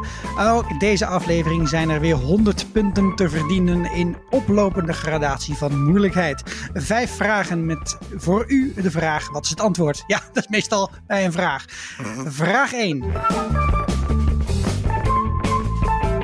Wat ruikt Hermelien als ze de liefdesdrank Amartensia ruikt in de les van Slakhoorn? Annelune, ja, ik zag dat je je hand opstak. Vertel, Vers gemaaid gras en perkament. En een derde geur, maar dat maakt ze niet af. Tandpasta. precies. Dat is in de film. Tandpasta. Nee, het is niet Ja, er wordt ja. ook wel eens gezegd dat het eh, misschien wel gewoon de lichaamsgeur van Ronald Mhm. Wemel zou Ron. kunnen zijn. Maar Ronnie. inderdaad, vijf punten voor Annaluna, die mag je in je zak steken. Goed, dan gaan we verder. Weasley's Wiz- Wizarding Wheezes, oftewel de tovertweeling Topfop Show, is een goedlopende toko die als een van de weinigen op Diagon Alley nog gezellig is. Maar waar verdient deze grapjeswinkel van Fred en George eigenlijk het meeste geld mee? Ik zag Sander als eerst. Met allemaal massaverkoop van Defense Against the Dark Arts aan het ministerie en zo. Nou, Ik ga dat goed nou, rekenen. shield- shield hats en dat soort. Ja, sch- schildhoeden. Ja, dat vond ik een grappig feitje. Dat zijn 10 punten voor Sander. Dan komen wij op het ongebruikelijk goede gebruik van de vleddervlierenvloek levert Ginny Wemel een plekje op in de slakkers. Ze pleegt deze vloek tijdens de reis naar Zwijstein, maar op wie? Oeh, dat vond ik moeilijk, maar ik ga Esther de crap, beurt ik wilde zeggen, maar dat kan natuurlijk niet. Korzel. Fout. Annaluna. Zacharias Smit. Oh, 10 punten voor tuurlijk. Annaluna. Goddamn. Ah. Heb ik eindelijk een keer de Ja, beurt, u ziet omdat het al, het wordt steeds moeilijker.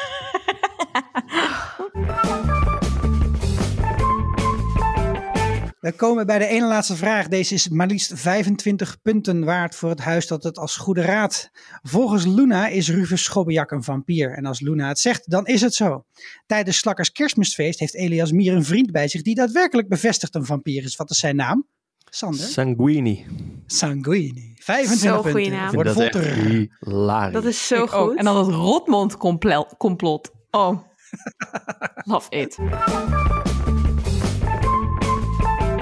Dan voor 50 punten, evenveel als alle bovenstaande vragen. Helemaal aangekondigd in boek 1 is het tovermiddel om nagenoeg elke vergiftiging weg te nemen een bezoor.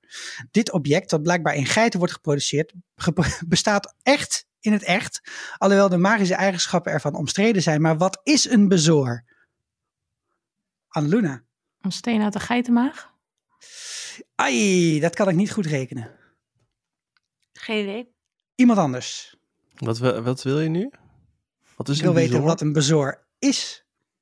Wat de net zei. Wat ik, Leuke ik, gok. ik wil weten waar het voor is. Want het is namelijk om, extra, om het gras extra goed te vermalen. Nee, Maar- het is sterker nog, het is eh, onverteerde stukjes gras en andere zooi die achterblijft in de maag van een geit. Dat is toch geen Harry Potter ook- vraag?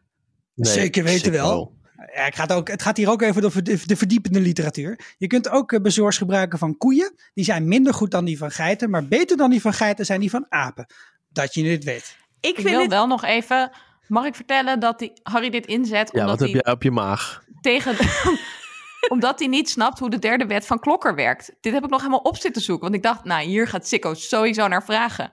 Kom hier dit aanzetten. Maar hoe- Jeetje. Ja, nee, maar die kijk, wet dan was je er dus wel dichtbij. Dat is die wet. Dat als je tegengif wil maken Gaat ze het nog gewoon zeggen? Ja, ik vroeg het. ik, ben, ik, ik, ben, ik snap voor het een nog gif steeds uit niet. samengestelde ingrediënten, dan bestaat het tegengif uit meer dan de som van de delen. Van de giffen dus. Dat snap ik de wel. delen. Maar dan moet je... Ik snap het praktische... Nou, die gaan dus samen een, een, een chemische reactie aan, waardoor je dus op een andere manier moet je iets toevoegen, zodat je uiteindelijk dat tegengif krijgt. Hoe kan je ooit weten ja. wat je moet toevoegen? Nou, door te begrijpen hoe giffen werken en wat voor invloed ze hebben. Maar ja, dat maar leren ze ik ben dus heel echt de slecht. minste bette ever. Oké, maar ik wil even zeggen... twee dingen. Eén, slim, Sikko, om een hele niet-Harry Potter eh, vraag te stellen als Ja. eerste puntenvraag. Want zo hou je jouw punten lekker in stand. En twee, Ja, dankjewel. ja. Dat ga best ik wel volgende week ook doen Ja. En twee, Oh. ik weet dat ik heel erg onderaan drijf bij de puntvraag. Ik ben gewoon niet zo snel. Ik lees, ik, ik een soort van eh, onthoud het beter, minder goed. Maar dit geeft mij wel de ideale positie om in de achtste aflevering als laatste een quiz voor te bereiden over alles wat dan de finale wordt tussen jullie. Want ik ga jullie never meer inhalen qua punten. En ik ga even nadenken over een manier. En dat ga ik dan noemen in de volgende aflevering. Waarop mensen mij een super moeilijke vraag kunnen sturen. Die je zelf hebt bedacht. Waarvan je denkt: Oh, dit weet Anna Luna lekker nooit. en dat jullie dat dan niet kunnen lezen. Je kan me bijvoorbeeld een DM sturen op Twitter. Maar misschien ga ik nog wel een e-mailadres hiervoor aanmaken of zo. Want ik, heb vind ze het wel nodig. echt veel leuker als het is. Dit is een vraag die Sikko nooit weet. Of een vraag die dit weet ik ook nooit of Sander nooit. Ja. Dat. Stuur ze naar me. We gaan die quiz heel moeilijk nooit maken. weten. Sorry. Ja, ik weet alles hoor, dus wees me niet bang.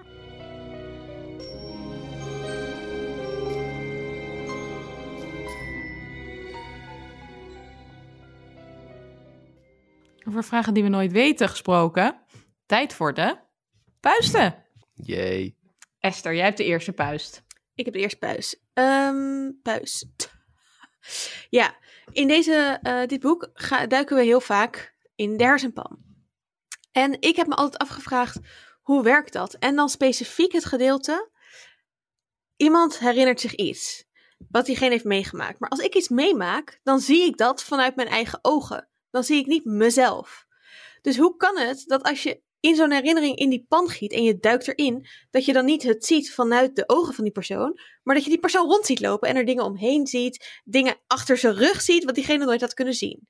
Ik vraag me af, Thank you. hoe werkt dit? En ik hoop dat Ik hier dat, antwoord dat, op heeft. dat, je, er- dat, dat je er doorheen kan lopen, dat het bij de magie hoort van die herinnering. Dus dat het, dat het op een of andere manier fysiek wordt als je daar dan induikt, letterlijk. Dus dat je daar, daar jezelf in kan bewegen. Ik Vraag me wel af wat de beperkingen zijn. Dus als ze in havermout en muesli zijn, wat ik overigens geniaal gevonden vind. Eh, als ze in havermout en muesli zijn eh, bij eh, de allereerste keer bij de Gaunt Shack, bij de familie van Voldemort. Kan je dan ook gaan denken, oh ik ga nu naar muesli, want ik ben, de- ben benieuwd wat daar allemaal is. Kan je dan helemaal weggaan in die herinnering? Hoe gaat dat? Vraag ik me dan wel Ik af. denk dat het steeds vager wordt, een soort mistiger. Ja, nou, de, de, de, herinneringen zijn wel tijdgebonden, dus ze houden ook wel een soort van op en dan, eh, dan, dan moet je er weer uit. Of gaan ze dan op repeat. Wat ik wel denk, wat, wat mensen überhaupt wel doen als ze een herinnering hebben ergens van, is dat ze opvallend veel invullen. Hmm. Dus als je, als je met iemand probeert echt door te graven van en wat gebeurde er dan, hoe zag dat eruit, dan gaan mensen ook gewoon soms totaal nergens op gebaseerd invullen wat er dan was. Dat noem je confabuleren. Hè? Dus dat, dat doen eh, mensen met bepaalde syndromen heel erg. Die verzinnen gewoon hele verhalen, zoals Korsakoff-patiënten. En ik denk dat misschien die mensen die in die herinnering zaten, het feit dat je ze zelf ziet, zij zetten voor zichzelf gewoon die sim die ze waren, zetten ze gewoon neer. En dat is het gewoon. Wat ik, wat ik in de films minder goed vind vormgegeven, is dat eh, ten eerste dat er een verschil zit tussen hoe je in bijvoorbeeld de vierde film en de zesde film in die hersenpan zit. Want in de vierde film, dan zit, dan zit hij er echt naast en dan praat hij, zo probeert hij ook te praten met die mensen. En, ehm, maar wat, wat, ik, wat ik ook moeilijk vind, is ze hadden het eigenlijk vaag moeten maken eromheen. Dus dat je ook gewoon hele delen van het, Ja, eh, van de omgeving gewoon niet ziet. Eigenlijk zoals in de zevende of achtste film is dat als, die, als zij op dat station zijn in die soort doodscène. Dat vind ik eigenlijk meer zoals herinneringen in de hersenpan eruit hadden moeten zien.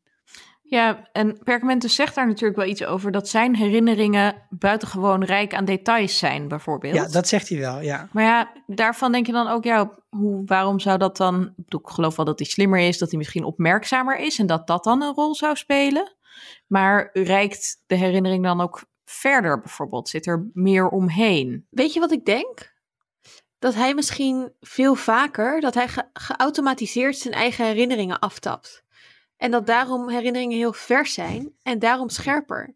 Dat hij gewoon een archief heeft. Als hij gaat zitten op die stoel, dan plugt hij eigenlijk Ja, in. en dan downloadt hij even al zijn herinneringen van die week. Nee, nee, maar ik ik denk mooi. echt dat als hij iets bijzonders meemaakt, dat hij denkt, ik, eh, ik store het even. Wat ik ook best wel, ik zou dat misschien ook wel doen. Want je, de, de leukste dingen die je meemaakt, of de bijzonderste dingen die je meemaakt, daar wil je ook, als, je, als er een manier is dat je kan zeggen, oh, ik wil dit super goed herinneren, dan, ja, dan zou je dat misschien wel doen. Terwijl heel veel mensen dat waarschijnlijk nooit doen. En dus pas 30 jaar later over iets voor die herinnering delen. Sander? Ja, ik denk ook misschien dat Perkamentus eh dat, dat die herinneringen zo goed zijn, omdat hij ze op lichaamstemperatuur bewaart. Is jullie het ook opgevallen? Hij haalt ze iedere keer uit Altijd zijn, eh, zak, uit, ja. zijn, eh, uit zijn gewaad, uit zijn zak. Mouw, ja. Dus ik, denk, ik vroeg me ook af, moeten ze dan op, worden ze dan beter ingekleurd dan wanneer ze gewoon in de kast staan? Wel kunnen. Nou, ik ben ook wel benieuwd wat het, wat het is, zeg maar, het, eh, het medium waarin het is opgeslagen. Witte stof. Misschien, het, nou ja, het zou misschien ook wel eh, een, soort, een soort van magisch DNA kunnen zijn. Dat kun je nou schijnbaar heel goed gebruiken als opslagmiddel, want dat vergaat bijna niet. Cool. Ik eh, vind in deze scènes met Harry en Perkamentus altijd heel opvallend dat Perkamentus op één vlak een hele goede docent is. En laat Harry echt dan nadenken over die herinneringen en over Voldemort en hoe Voldemorts persoon is. Maar op een praktisch vlak, dat je denkt, jongen, vertel de jongen anders even hoe je bijvoorbeeld de hersenpan uit moet komen.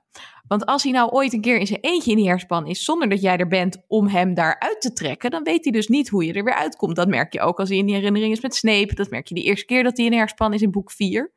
Maar we zien dit ook, en dat, daar erger ik me elke keer aan. Als ze aan Game het einde op zoek gaan naar die gruzelementen, daar erger ik me ook vaak aan. Nee, als ze op zoek gaan naar die gruzelementen, en, ehm, of dat gruzelement, in die grot. En dan zit Harry natuurlijk weer een beetje van, oh ja, die necrote, oh eng. En dan met, nou, ze schrikken van warmte en licht. En Harry een beetje zo, hmm, don't know, geen idee. Best wel dom, maar ook grappig. En dan zegt Perkament dus, vuur Harry, vuur. Maar Harry kan nog helemaal geen vuur maken. En in plaats van dat Perkament dus dan zegt, laten we anders even oefenen. Hoe maak jij straks een ring van vuur? Want straks ben ik vet vergiftigd, ga ik, ga ik bijna dood. Dus handig als jij dit ook kan. Totaal niet. Nee, Oh, dat was Ja, mijn we zijn het allemaal vandaag. met je eens. Ja, Dat- nee, eens. Nee, ik zat nog even te zoeken, want volgens mij kregen we ook een, een vraag hierover. En dat heeft te maken met wat jij zei. Namelijk Niek. Die zei, ik vroeg me af wat jullie denken dat er gebeurt wanneer iemand de hersenpan ingaat. Ja, Verdwijn je helemaal in de pan? Of zag Snape Harry voorovergebogen met alleen zijn hoofd in de pan staan? En hoe doen Perkament en Harry dat als ze er samen erin gaan? En dat vond ik Wow. echt een super... dat is wel hoe mijn in vrouw mij regelmatig in de keuken in de hersenpan. dat je daar een deksel op zet van, nou nee, laat maar. Bye Harry. Even kijken, mag ik anders even jouw ergste herinnering hebben? Ja, haal hem even uit je hoofd, drop hem even in die Ik pan. heb hier nog een Let's herinnering go. van 13 jaar in Azkaban. Dat is heel mean. Ik, ik denk dat je helemaal erin verdwijnt. Ja, ik denk het ook. Maar ja, Ja. Ik zie wel praktische bezwaren. Nee, ik denk dat je Ik heb toch het gevoel dat ze allemaal vrij kort zijn, Ja, deze herinneringen. Dat ze zeg maar eindig zijn. En als ze afgelopen zijn, dan ga je er, wat zeg maar, als de film afgelopen is, dan moet je het bioscoop uit. En, maar dan als je er tussentijds uit wil, daar moet je wel iets voor kunnen. Nou ja, ze gaan bijvoorbeeld wel in, in boek 4 gaan ze door achter elkaar. Dan zijn er verschillende processen die Harry bijwoont. Dat zijn er drie of Ook zo. boek 7. Dus Ja, maar dan ja. heeft hij zo geroerd Maar ja, in dan, die pan. dan worden er verschillende in de pan gedaan en dan geroerd. Dus dan staan ze misschien klaar in een soort afspeellijst cocktail is het volgorde.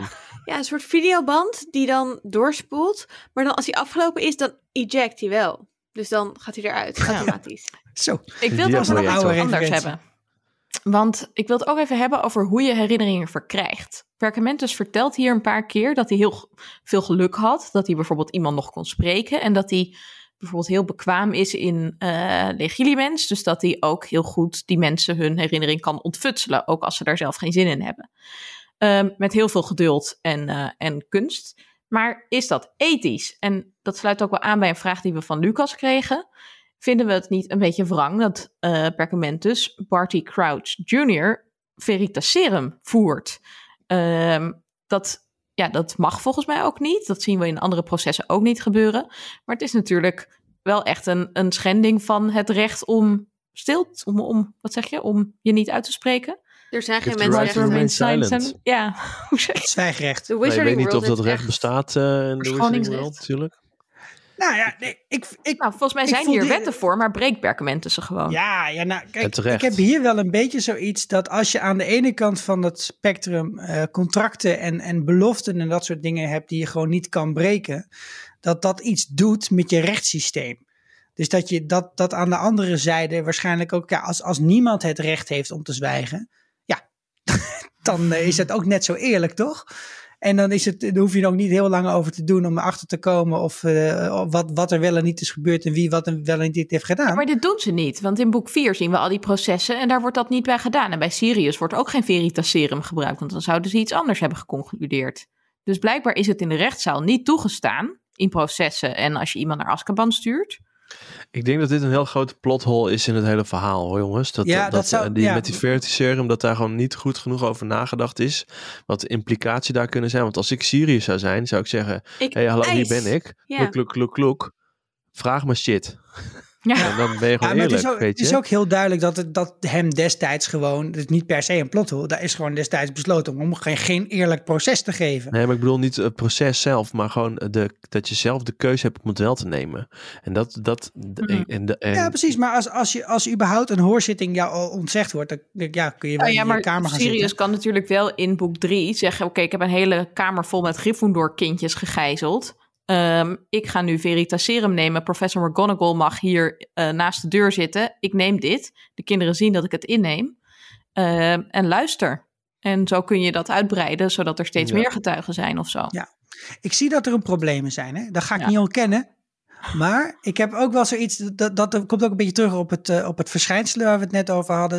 Er zijn ook bepaalde gewoon mores of zo. En die zijn ook in onze maatschappij niet altijd even logisch of terecht. En misschien is er wel ooit een hele slechte ervaring met dat drankje geweest. Dat iemand het verkeerd had gebrouwen en dat het dan... Misschien kregen ze er Dat- trombone, prom- Ja, ik trombones wou van. trombone. Trombones. Ze kregen er trombones van. Dat ik. Trombone. Moet ik even aan sex education denken. Heel heerlijk. Oh, Nee, maar dit is in natuurlijk inderdaad waar. Dit is, dit is een voorbeeld van hoe mensen in die wereld ook machtmisbruik hebben. En ik denk dat Dumbledore, Dumbledore daar een goed voorbeeld van is. Nou, ik denk dat machtmisbruik misschien... Dat is, dat is denk ik zeker ook wel, wel waar. Maar de vraag of het ethisch is... Mhm. Weet ik, ja, soms denk ik ook dat het even zo is. Dat je gewoon shit moet weten. En dat het, eh, eh, het doel heiligt de middelen ben ik niet altijd per se voor. Maar als je snel dingen wil weten en snel wil handelen. En eh, snel achter de kern van waarheid wil komen van zo iemand als Knijster. Die dan maar, kennelijk daar wel over kan liegen.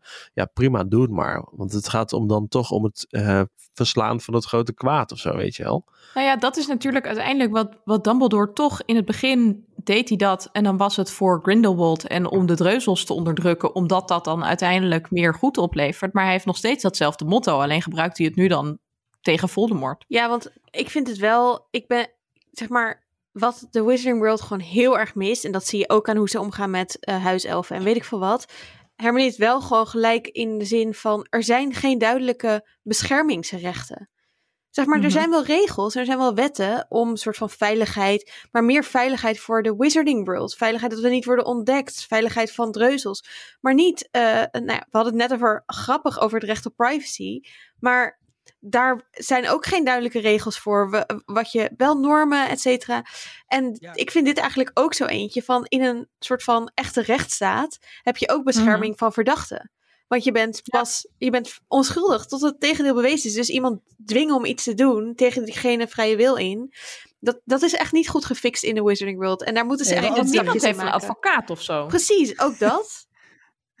De, maar de raarste dingen zijn ook legaal. Wa- waarom, waarom is liefdesdrank legaal? Dat is toch echt fucking dom? Thank you, dat is Laten we gewoon het een daar zo brain even over hebben. Ik wil het daar echt over hebben zo. Maar laten we het eerst nog even hebben. Sego, jij wilde het hebben niet over een liefdesdrank, maar over een ander soort magie. Ik wil het over de dood hebben. Of eigenlijk het, het verlengen van leven. Nee, kijk, in dit boek worden de gruzelementen voor het eerst eh, a- a- zeg maar, geïntroduceerd. Natuurlijk hebben we ze al eerder gezien, maar we wisten nog niet wat het was. En het is een hele interessante vorm van magie, waarbij je dus iets onvergeeflijks moet doen om je eigen ziel te splitsen, zodat je dan op op die manier langer kunt leven. En het is, volgens mij moeten we gewoon even de tijd nemen om hierover te nerden, over hoe het werkt en alle dingen die we hebben, over hebben ontdekt. Maar ik heb ook één basale uitgangsvraag. En dat is eigenlijk waarom je je leven überhaupt eeuwig zou willen laten duren. Ik heb dat echt nooit begrepen. Ik begrijp het ook van al die christenen die, die, die, die dan doodgaan naar de hemel willen voor het eeuwige leven. Snap ik ook niet. Maar ik snap het vooral in deze huidige, in de, in de echte wereld niet. Nee, ik heb echt niet het idee dat de toekomst heel veel beter gaat zijn. Nou, nou, Nee, nou. nou ja, kijk, Oh, kijk. Voldemort denkt natuurlijk wel, hè.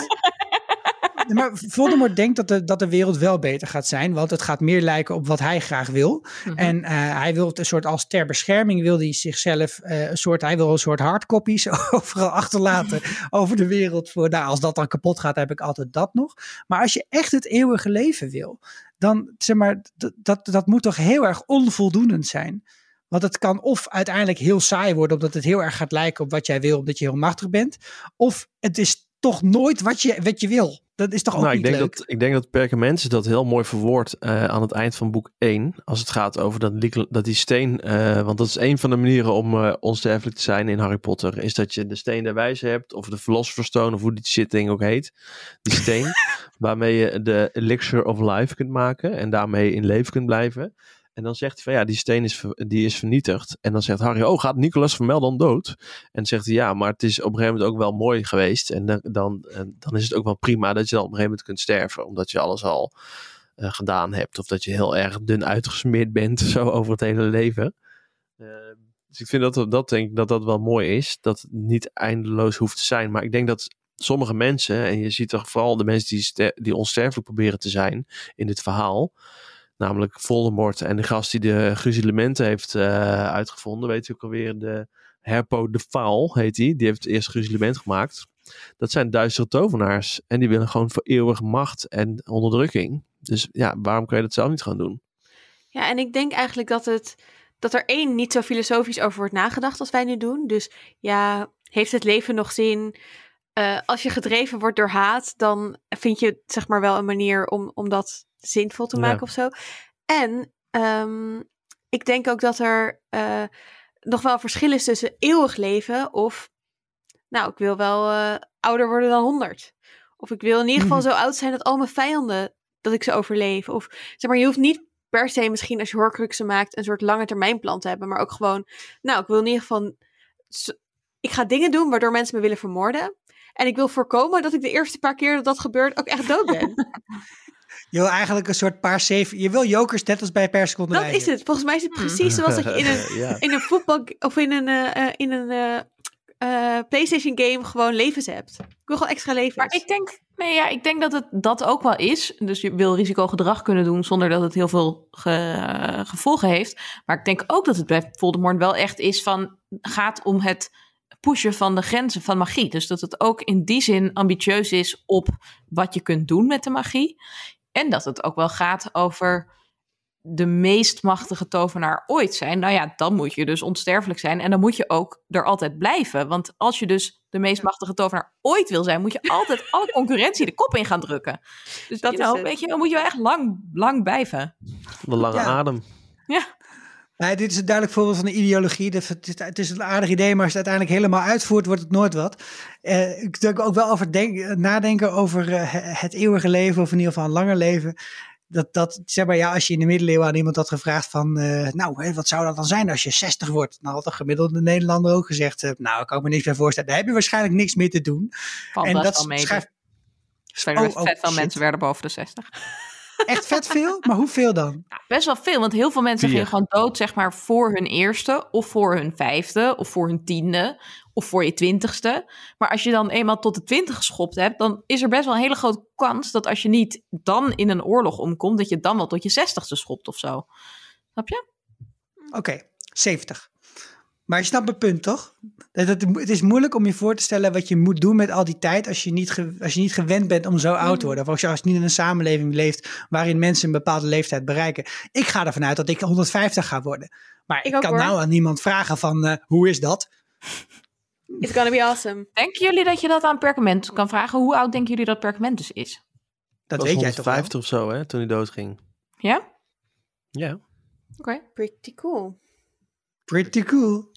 Pretty cool, pretty hey, old. Maar even over die Herpo de Faal, die net genoemd werd. Oh, zeker. Had jij een TED-talk erover voorbereid? En heb ik al wat nee, gas voor je voeten weggemaaid. Ik, ik, Sorry. Nee, nee, helemaal niet. Nee, da, als jij daar meer over wil vertellen, mag je dat zeker helemaal doen. Maar niet. ik, heb, ik denk dat ik weet welke horcrux hij gemaakt heeft. Vertel.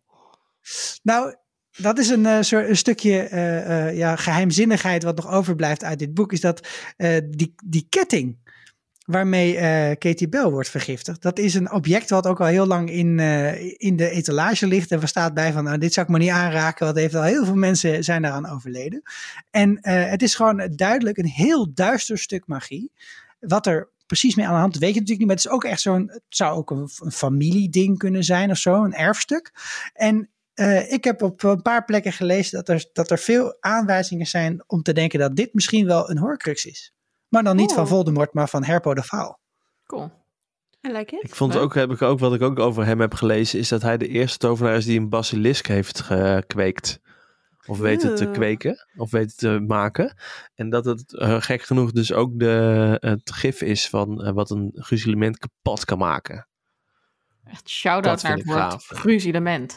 Zo Ja. vet. Ja, vet hè? Super knap. Zo vet bedacht. Ja. Maar, wat, Maar wat we- is er ook bij Horcrux? Ik zie daar nog niet helemaal wat de taalbetekenis ervan is. Taalbetekenis gaat Nee, alleen lekker. iets met horribilis, dus verschrikkelijk of zoiets. En crux. crux, En dan is dat niet van een, Crux. een vloek? Een curse? Ja. Crux? Of de Cruciatus? kern van het verhaal of zo. Zeg maar dat het gaat over de, de, De kern crux. van je ziel. Volgens mij maar. snappen wij de crux niet. Hmm. Wij snappen de crux niet. Dat is duidelijk. Crucilement, daarentegen, vind ik echt een hele leuke vertaling. Ik ook. Echt goed gedaan, Wiebe Ja. Budding. Applaus. shout-out voor jou. Er is ook en, één, en even, er is ook één voor- dier wat van nature eh, onsterfelijk is. De phoenix. Hmm. Het schijnt dat die niet dood kunnen gaan. Eh, maar wat ik dan wel dacht, ze planten zich wel voort. Waarom zijn er dan niet fucking veel phoenixen over heel de wereld? Als ze Mhm, nooit mhm. doodgaan. Terecht Misschien. Weet je hoe, ze, weet je hoe phoenix in het Engels heet? The Dead and Rebirth. Oh my god. maar kiest dan Phoenix, Felix bedoel ik, kiest hij dan om met perkament dus weg te gaan? Dat denk en om ik. dan naar het volgende avontuur door te gaan? Ja, om naar zijn kleine it. broertje te gaan, denk ik. Naar Zwijnsveld. Love Er it. wordt toch gezegd dat die... eh, Nou goed, En wat wil jij erover zeggen, Sikko? Nou, ik heb misschien nog gewoon. eh, dit, dit was voor mij een beetje een vraag waarmee ik bleef zitten. Maar er is uiteindelijk wel een antwoord op. Maar ik kan me ook voorstellen dat luisteraars van onze show. dat ook zich nog wel even afvragen: van wat is er nou zo cruciaal aan die herinnering van Slakhoorn? Ja, Dat het er zeven zijn. dat het er Ja. zeven Dat het er zeven zijn. Oké. Dat is de bevestiging. Ja, want ik vroeg me af, op dat moment, heeft hij dan al in die ring een Horcrux gemaakt? Want ehm, hij heeft die ring al om. Dus de ring die hij gestolen heeft van Morfin. Hij heeft dus al die opa en oma vermoord en Morfin vermoord. Maar ehm, heeft hij dan ook al de magie uitgevoerd om een stukje van zijn ziel in die ring te stoppen? Volgens mij wel. Ja, Ja. volgens mij zit er ook. ook bevestigd dat, dat dat dan echt al een gruzelement is wat hij om zijn vinger Nee, draait. maar ik kan me ook best wel draagt, dus- voorstellen dat je best wel een jaar nadat je iemand vermoord hebt een gruzelement kan maken. Omdat je ziel nou eenmaal al gespleten is. Dus als je dan pas achter de magie komt. Dus het kan ook zijn dat het nog meer gaat, die bevestiging om. Oh ja, hij heeft toen geleerd hoe je een Horcrux moet maken of zo. Want daar vraagt hij wel nog naar. Wat ik heel, eh, heel creepy idee vind, is dat ehm, je split je ziel, maar als we bij de dagboek, die zuigt eigenlijk eh, levensenergie op van Ginny. Want hoe meer ze van haar hart poort into the diary, hoe eh, sterker die Horcrux wordt. En, maar het is niet zo dat Voldemort kan voelen wanneer die Horcruxen eh, vernietigd zijn. Dus ze staan wel echt los van Voldemort. Dus het zijn eigenlijk op zichzelf levende extra kopietjes van Voldemort. Die dus ook hoe meer. Misschien een soort virussen. ja, als ze gevoed worden, dan groeien ze. En het kan dus op, zich, op, op een gegeven moment op zichzelf gaan opereren. En dat vind ik best wel. oh, Dat is ook als maker, denk ik, ook een risico. Dus je kan erop terugvallen.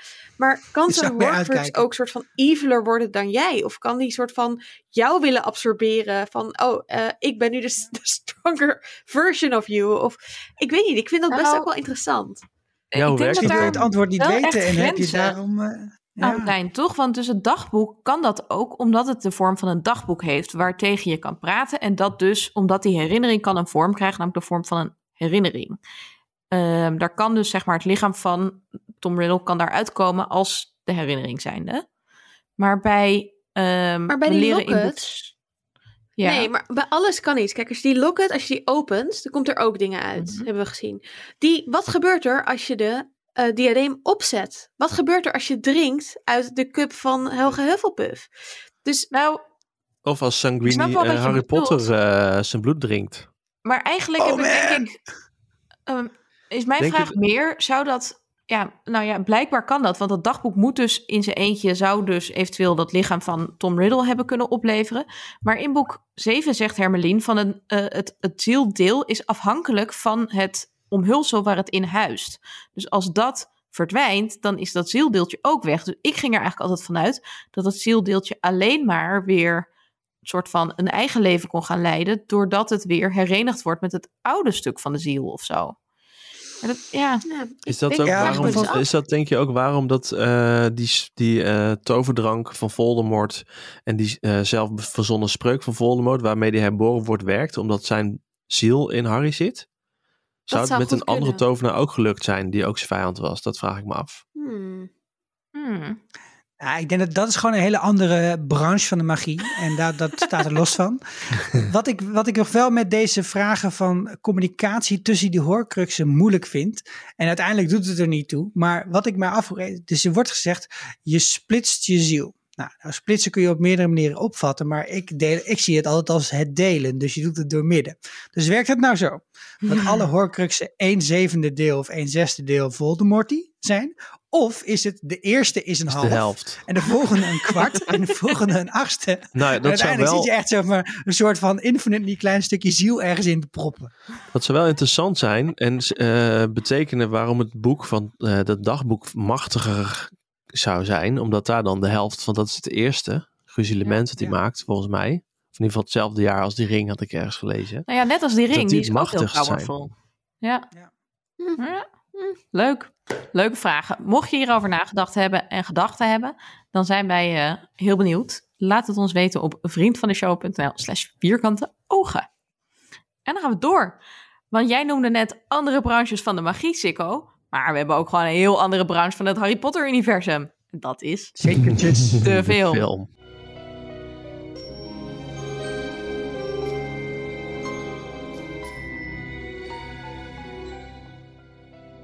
Wat Ik vind dit dus de leukste film. Ik heb Ja, ik deze het meest gezien. Ik hoor zo dat muziekje. Tunne, tunne. En ik weet niet. Ik vind het gewoon. Dat komt ook door Witch Please, die hier die dit episch in een aflevering hebben verwel- verwerkt. En ook zeggen heel terecht dat het gewoon een teenage romcom is, deze film. Maar waar het boek een hele erge zwaarte heeft, wat ik ook heel goed vind, want hallo, fucking Voldemort is terug. En iedereen weet het en er gaan de hele fucking mensen dood.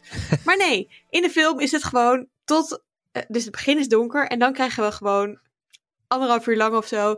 Oh, hoe heeft, wie heeft met wie? En oh, kom, we gaan Felix Felicis gebruiken en alles ziet, ziet er mooi goudachtig uit en is leuk. En dan op het eind is het weer tunne, super donker. En dan heel vaak kijk ik ook niet het einde. Ja. Werken mensen dan Ik denk, ik, ik, ik denk dat als iemand een drankspel bingo maakt van onze podcast, dat het vakje Oh Witch Please wordt benoemd, er zeker in zou moeten. Ja, maar dat is ook terecht. Want het is gewoon heel leuk.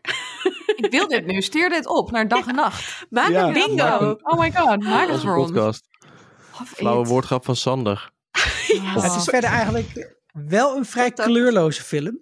Eh, als je, hè, dus het is misschien wel een beetje romcom eh, in, in hoe het is geschreven, maar het is wel echt, eh, hier is helemaal geen kleur meer te zien. En als er dan kleur is, is alles gewoon knijtergroen. Dus een beetje de Matrix wat je zit te kijken, heb ik het gevoel af en toe. En goud. bij film 4 herinnerde ik me heel veel groenig. En het laatste deel. Het is heel groenig, omdat er veel herinneringen van, van Voldemort in zitten. En dat is ook een hint naar zijn zwadderigheid, Mm, kennelijk. Kijk. Nice. Kunnen we het ook hebben over dingen die... die eh, eh, nou, we hadden het nou net over, wat zei je nou net? De- Heel even, ik wil één, één woord graag zeggen. De semi-duckface kus van Harry. Hoe dan? Het is gewoon een soort van geknabbel. Hij doet gewoon zo. Kijk, ik het nu na te doen. Niet sexy. Jij kijkt ineens heel erg als Marjorie Tyrell. Wat Dus is er maak even een foto voor de show notes.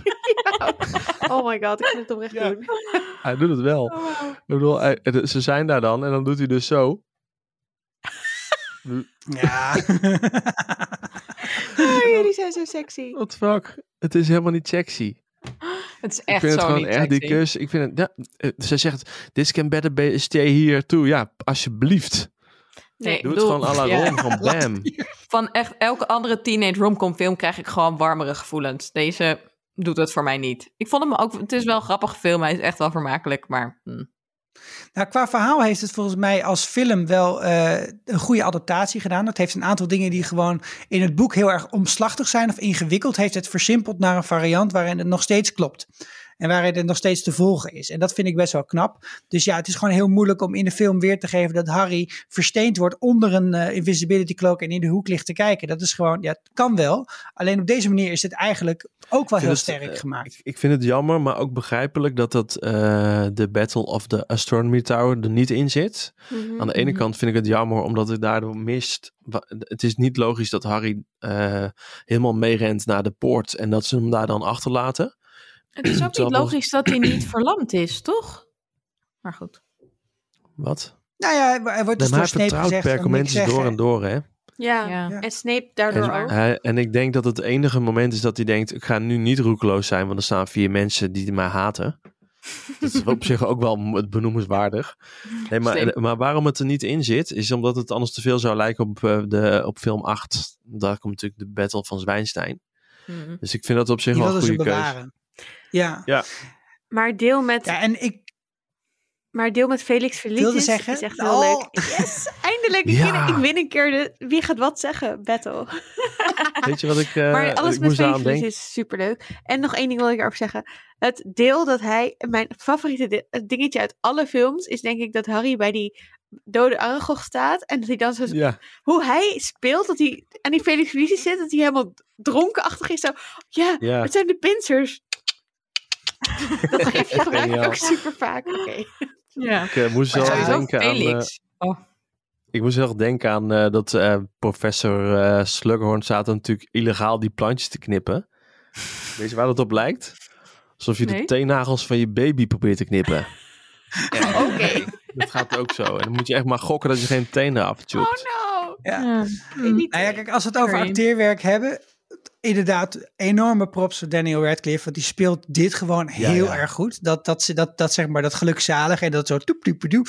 Ik ga lekker mijn gang. Ik vind dat, dat, dat Rupert Grint ook dat verliefd eh, met het drankje gewoon heel erg leuk speelt. En. Geniaal. Überhaupt, ik vind Jim Broadbent in, in deze rol van Slakhoorn gewoon fantastisch. Weet je, je kunt dan zeggen, ja, hij is niet dik genoeg of niet dat dit. Maar hij heeft gewoon, hij heeft die rol gewoon helemaal zijn eigen karakter gegeven. Ik vond het heerlijk om naar te Ik kijken. vond eerlijk gezegd. Hermelien geweldig in deze film. Eh, en vooral omdat, eh, en dat vond ik ook best, best wel symbolisch als Ron dan met eh, Lavender Brown gaat eh, tongen, is dat zij die vogeltjes heeft eh, getoverd die om haar hoofd vliegen. Dat vind ik echt zo mooi symbolisch dat ze helemaal knocked out is, omdat Ja. eigenlijk zij heel erg van Ron houdt stiekem. Ja. Ik vond Dat het in de film vet. heel leuk dat Harry en Ron, of sorry, dat Harry en Hermelien bij elkaar troost vinden. Als dus ze verliefd Ja. zijn op Ron en Ginny en Ja. die niet, Ja. niet dat eh, terugdoen. Voorschaduwt ook Maar ja, het volgende boek eh, een beetje. ja, dus dat vond ik ook wel mooi. Ja. Ik moest eh, trouwens ook wel lachen omdat Daniel Radcliffe zo goed is in die, zeg maar, druggy rol die je Ja. toch een beetje krijgt door Dat Felix. is Want alcoholistus. hij heeft volgens mij, ja, hij heeft dus een substance abuse. Maar dit is eigenlijk helemaal niet grappig. Dus ik weet niet waarom. Hij is, heel nee, maar hij is er overheen gekomen. gewoon en, lullig. eh, heel veel mensen vinden nu herkenning in, eh, over hun drankproblemen heen komen. Dat Daniel Ah. Radcliffe dat ook heel goed gelukt is. Yes, high five Oh, voor Dat is, Daniel een van mijn Radcliffe. fun, dat is een van mijn fun facts. Zal ik er nog meer zeggen? Zo fun. Ik heb, ja, doe dat. Eén over de casting. Weet je wie de allerjongste eh, Voldemort speelt? Ja, Hero neefje. Fiennes Triffith. Ja, het neefje van Ralph Fiennes. Oh. Die Voldemort speelt. De konings, hè? Ja. Ehm, de, Ik vind de, die recasting trouwens echt kut. Welke? Sorry. Niet van de jongste Voldemort, maar Oké, van... zullen we afspreken? Dan ga ik fun facts zeggen. Dan gaan jullie lachen. En dan mag je daarna niet, mag je daarna niet iedere keer zeggen, maar ik vond dit kut. Maar ik dacht, we doen zeg maar fun. tip, top, tip. Of andersom. Tip, top, tip. Ik dacht, ik hamburgermodel. fiets er zeg maar doorheen, dan valt het minder op. Een, een, is top die negatief begint, Nee, Sander. Neville? is Nee, in deze film is wel over, zijn, eh, over zijn piek lelijkheid heen. Oh ja. Neville. Zeker. Oh ja. Wist je dat Emma Watson eigenlijk niet meer mee wilde doen aan deze film? Wat? Omdat eh, ze school af wilde maken. En dat ze toen dacht, ja, maar eh, de films kunnen niet zonder mij. How Hermione Wat een actor, be. hè? Leuk. Is dat leuk, hè? Jezus, jongen. Oh, sorry. Eh, weet, je hoeveel, weet je hoeveel uilen er in eh, deze film voorkomen? Nee. 21. Nul. 27. En van iedere uil hebben ze minimaal drie dubbels. Zijn fucking veel uilen op de set. Fun fact. Vind ik leuk voor fact. Perfect. Dat was Nee, het, want ik, ik- heb het gevoel dat ik geen eh, gehoor vind. Ik Dan heb ik nog wat, eh, wat oprecht. kleine details. Wat kleine details. Natuurlijk, wat hebben jullie vast wel gezien, maar voor degenen die het misschien nog niet hebben gezien, van alle duizend luisteraars die we hebben, in de vensterbank van de jonge Tom Riddle liggen steentjes. Ja, Zeven stuks. Zeven. En dat zijn er zeven. Dat vind ik erg leuk. Ik, ik weet niet of het de eerste keer is dat het Hey, gebeurt. Maar ah, de Freddy wil ook. Ja, eh, wat, wat, wat heeft Freddy dan voor, fe- voor feitje? Want dan moeten ze wel Ze, even ze ziet de. Horcrux, duidelijk. Er komt er zo eentje langs vliegen. Of misschien is het toch een uil. I don't know. Ik weet niet of het voor het eerst was, maar ik vond het super tof dat dat eh spreekgestoelte van Perkamentus, dat daar een uil op staat. En dat hij dus die, vleugels 27. uitdoet op het moment, als, als, hij gaat, eh, als hij gaat spreken. Dat vind ik echt zo'n heerlijk detail. Dat is echt, ja, dat, dat, dat doe je in films, weet je. Dan ga je gewoon helemaal los en dan ga je dit soort shit doen. Zagen jullie ook de spiegel van Negerep in de Kamer van Hoge Nood? Nee. Nee. Staat hij Ja, er echt? daar stonden Harry en eh, Ginny heel lang voor te praten. Maar in ieder geval, het leek er heel erg op dat het die spiegel was. Wel een diadeem, Ja, hè? nog met terugkijken. Er stond een Ik zal diadeem het in het boek YouTube-filmpje en- even... in- Ja, Sorry. cool. Weer voor nee, ik, was zeggen, ik, zal, ik, zal, Ik zal het YouTube filmpje in de show notes zetten. We kregen een keer luisteraarsfeedback dat we te vaak door elkaar praten, maar het is echt moeilijk om dit online te doen. Dus Ja. Esther en ik maken er een sport van. Ja, de- dit Ja, is een beetje dat ons dingetje. Dat wij gewoon Ik eh, zo even- vaak op één lijn zitten. Ja. hebben over hercastings. Want ze hebben dus Tom Riddle hercast. En dat vond ik heel jammer. Want ik vond hem in deel 2 eigenlijk echt, echt een hele goede, beangstigende. Maar ook iemand waarvan je inderdaad ziet... oh, hij ziet er heel net uit. Hij weet heel goed hoe hij zich charmant moet Je opstellen. bedoelt eh 16-jarige Tom Riddle, toch? En dus dat was Dan- Christian Coulson die het speelde in deel 2. En nu is het geworden Frank Delane, die inderdaad die 16-jarige speelt. Maar hij heeft dus Hmm. voor mij heel erg een soort babyface. Ja, En ik vind hem daardoor eigenlijk een beetje. Dat, dat, Niet dat past genoeg. niet. En dit, ja, ik vind dus ook de hercasting eigenlijk heel jammer. Ehm, en dat deed de eh, regisseur van de film, omdat hij vond dat die andere dus te oud was. Want die was 23. Eh, en dan kan je toch echt geen 16-jarige meer spelen. En toen dacht ik, ja, maar dat gebeurt echt vet vaak. Dus waarom niet? ik word er nog dan steeds blijkbaar voor 16 hercast. gezien op mijn dertigste. Want ik moet heel vaak mijn fucking ID nog laten zien als ik drank haal. Dus Gefeliciteerd. Oh, thanks. lief. Wie ook hercast is, is Lavender Brown. En dat Ja. leverde nog aardig wat controverse op in eh, de fandom. Want zij werd gespeeld in deel 2 en deel 3 door eh, Kathleen Colley en Jennifer Smith. Twee zwarte vrouwen. En ze is, nu ze een grotere rol kreeg, eh, ja, eigenlijk vervangen door een witte vrouw, Jessie Cave. Ehm, omdat ze een grotere rol kreeg, wilde de eh, regisseur dus iemand die bekender was en eh, die misschien ook al meer acteerervaring had. Dus is ze eh, vervangen. En ik vind dat ze een hele goede Lavender Brown neerzet. Maar ik kan me ook echt heel goed. Het is gewoon echt wel jammer ook dat dit al een filmserie is met zo weinig niet-witte acteurs. En dat je dan toch weer deze keuze maakt. Mm. Ja, true. Oké. Ik vind dat ze het heel leuk dan? speelt. Wel. Ja, ik vind ook dat het heel Ik goed ook. speelt. Maar ik ben het verder mee eens. Weet je dat eh, Wat- bij die auditie voor deze rol... Nee, nee, nee, maar ik sluit, ik sluit, ah, ja, zeker wacht. Ik sluit nog even aan. Bij die auditie voor deze rol hebben heel veel mensen meegedaan. Maar uiteindelijk, de laatste vijf of zo, moesten echt met Ruben Grind eh, dingen ja, doen. Dus een beetje dubieus. Maar, Aha. maar dat, dat ze echt met hem moesten acteren, zeg maar. Oké, het klinkt echt Dat zo dubieus als je al die Weinstein-onthullingen hallo, in ik je maak het nu, gedachten had. Hallo, ik maak het nu te goed. Moet je niet nog een keer zeggen dat het dubieus was, ja? Ik wil niet zeggen dat jij dubieus bent. Nee, ik wil zeggen dat dat ben- dubieus had kunnen zijn. Ja. Sikko. Sikko, zeggen, we moeten echt in therapie met z'n allen. Hey, wat ik leuk vond om nog het, het, detail aan te wijzen, dat is bij die tovershop van eh, de broeders Wemel. Daar heb je zo'n zo'n mannetje voor de deur die zo'n hoed op en afzet. Mhm. En dat, dat had ik deze keer dat ik het zag pas door, maar hij doet dus die hoed weer op en, en daarna is het konijn weg. Vind ik gewoon een hele leuke verwijzing naar dus het verschil ook tussen een tovenaar en, een- en een magician, zeg maar. En een trick is something a whore does for money. Maar dat, dat eigenlijk komen er heel veel dit soort dingen in terug in deze Harry Potter serie. Bijvoorbeeld ook de verdwijnkast. Dat is echt een typische Hans Klok ding. Ja. Ja, dus je stopt iemand in die kast Ook met en dan is hij ineens Die weer doek weg. die ze er dan, die er dan zo van afhaalt. Zo. whoosh. Ja, Er is nog net niet soort glitters. Ja, waar is de ventilator? Tijgers. Ik mis alleen nog tijgers. Oh, het zou zo leuk zijn, Harry Potter met tijgers. Oké.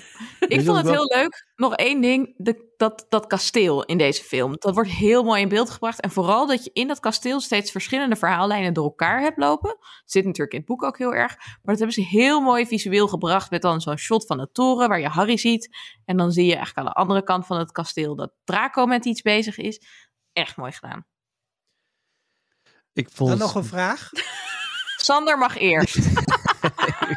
over die tovertweelingwinkel. Ik vond het, we hebben het vorige week natuurlijk gehad over de kwaliteit van het onderwijs op Zwijnstein. En dat ze zo weinig worden uitgedaagd om echt na te denken. En ik vind het gewoon heel cool om te zien dat ze eigenlijk van school eh, weggaan en toch succesvol worden. Ja. Omdat ze juist eh, op hun manier echt heel erg vet goede magie laten zien. Zeg maar. dat, vind, ik- dat wil ik nog even zeggen. Dat vind ik vet cool. Dat is tof. Zeker ook nog Ook een product ik. wat verkocht wordt door de Wemos is dus die liefdesdrank. En wat ik maar, zeg maar het, misschien, het stoorde me ergens een beetje, maar ik vroeg het me ook echt af. Die liefdesdrank wordt de hele tijd alleen maar in verband gebracht met vrouwen. Dus er staan alleen maar vrouwen om dat ding heen in die winkel. En als ze dat dra- drankje aan het maken zijn in die les, dan staan alleen de vrouwen die staan zo voor een soort van zo, Ja, hè, ze- zwak op hun benen ernaar te kijken. I don't get that. Ja, Dat is heel typisch. Het wordt ook heel erg ehm, natuurlijk gegenderd in de zin dat de moeder van Voldemort de eerste persoon is van wie wij weten dat zij het toepast. En dan hebben we natuurlijk Hmm. ook nog eh, Regina Falster. Wat ik leuk vind dat ze Regina heet. Echt zo de evil naam. George. Ehm, maar we kregen daar een, ook een luisteraarsvraag over wat die liefdesdrank doen. Dus laten we het daar eens over hebben. Want we kregen van Robin de vraag of ehm, het feit dat dus Voldemorts moeder zijn vader met een eh, liefdesdrank zover heeft gekregen om met haar te trouwen en dus met haar kind te verwekken, of dat invloed heeft op eh, Voldemort en dat hij dus niet in staat is tot liefhebben. Ehm, en zou er door Love Potion ook niet een heel aantal MeToo-gevallen in de tovenaarswereld zijn. Dus hoe ethisch is het inderdaad dat je dit vrij kunt verkrijgen? Niet, Discuss. Niet, niet ethisch. Nee, ja. Niet. Het is Nee. gewoon alsof je een rape drug basically eh, in, in de markt zet en aanprijst als... hey, kijk wat dit voor leuk ding is. hey, meiden, kom hier kijken, want we hebben dit. En Nou, ik, ik zal je zeggen, ik ben, nou, want we hebben het een paar afleveringen geleden gehad over magische seks. En daar Mhm. is heel veel fanfiction over geschreven, kan ik je vertellen. en eh, er zijn drankjes verzonnen door mensen die nog veel, veel, veel, veel verder gaan. Waar we denk ik een 18-plus special misschien ooit over kunnen maken. dat, is verder niet, dat is verder niet Harry Potter en de halfwoord Prince of zo heet het. Nou, goed. Serieus. Eh, dus ik vraag De me af, misschien zijn er, wel zijn er wel gradaties in hoe erg je iemand ermee bedwelmt. Dus is het, dat je, is het met LSD vergelijkbaar? Die, wat ze daar bij Fred en eh, George verkopen bijvoorbeeld? ja, het Zeg is- maar ecstasy, Sander. ik vind het ook wel even gek als ze zeggen...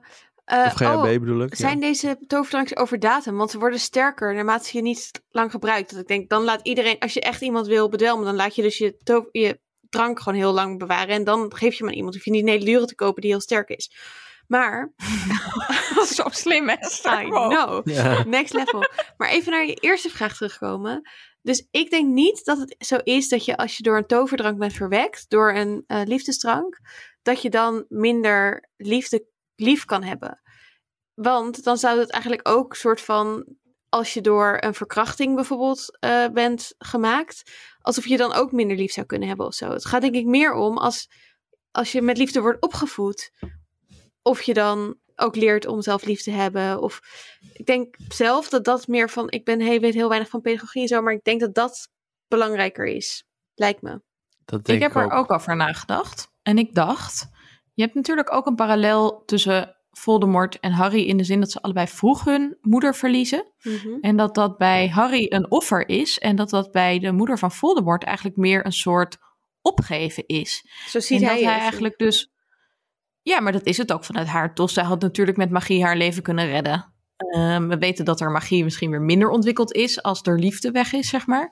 Maar het is misschien dus ook wel een soort eh, gevolg van dat eh, eigenlijk allebei de mensen door wie hij verwekt is, hem niet lief hebben. Dus dat het Ja. niet per se gaat over de manier waarop hij ver- verwekt is, maar wel over ook een soort magische eh, effect daarvan. Ja, dit is volgens mij ook wat Dumbledore bedoelt.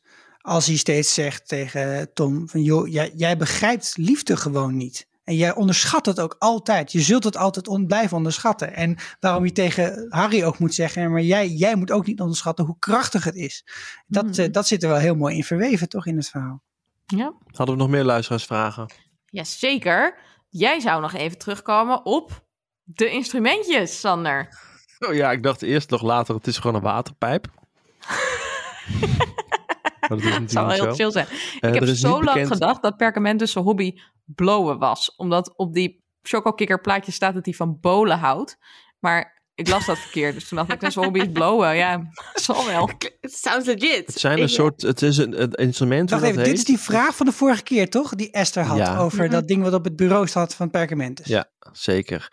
En het, eh dankjewel. Het is dus, het is, we weten niet hoe het heet, maar het is een instrument waar, we, eh, waar hij eigenlijk zijn gedachten een soort van mee vorm kan geven op dat moment. Dus hij kan daardoor hardop nadenken. En dat, Hmm. kun, dat kan hij op die manier daarmee visualiseren.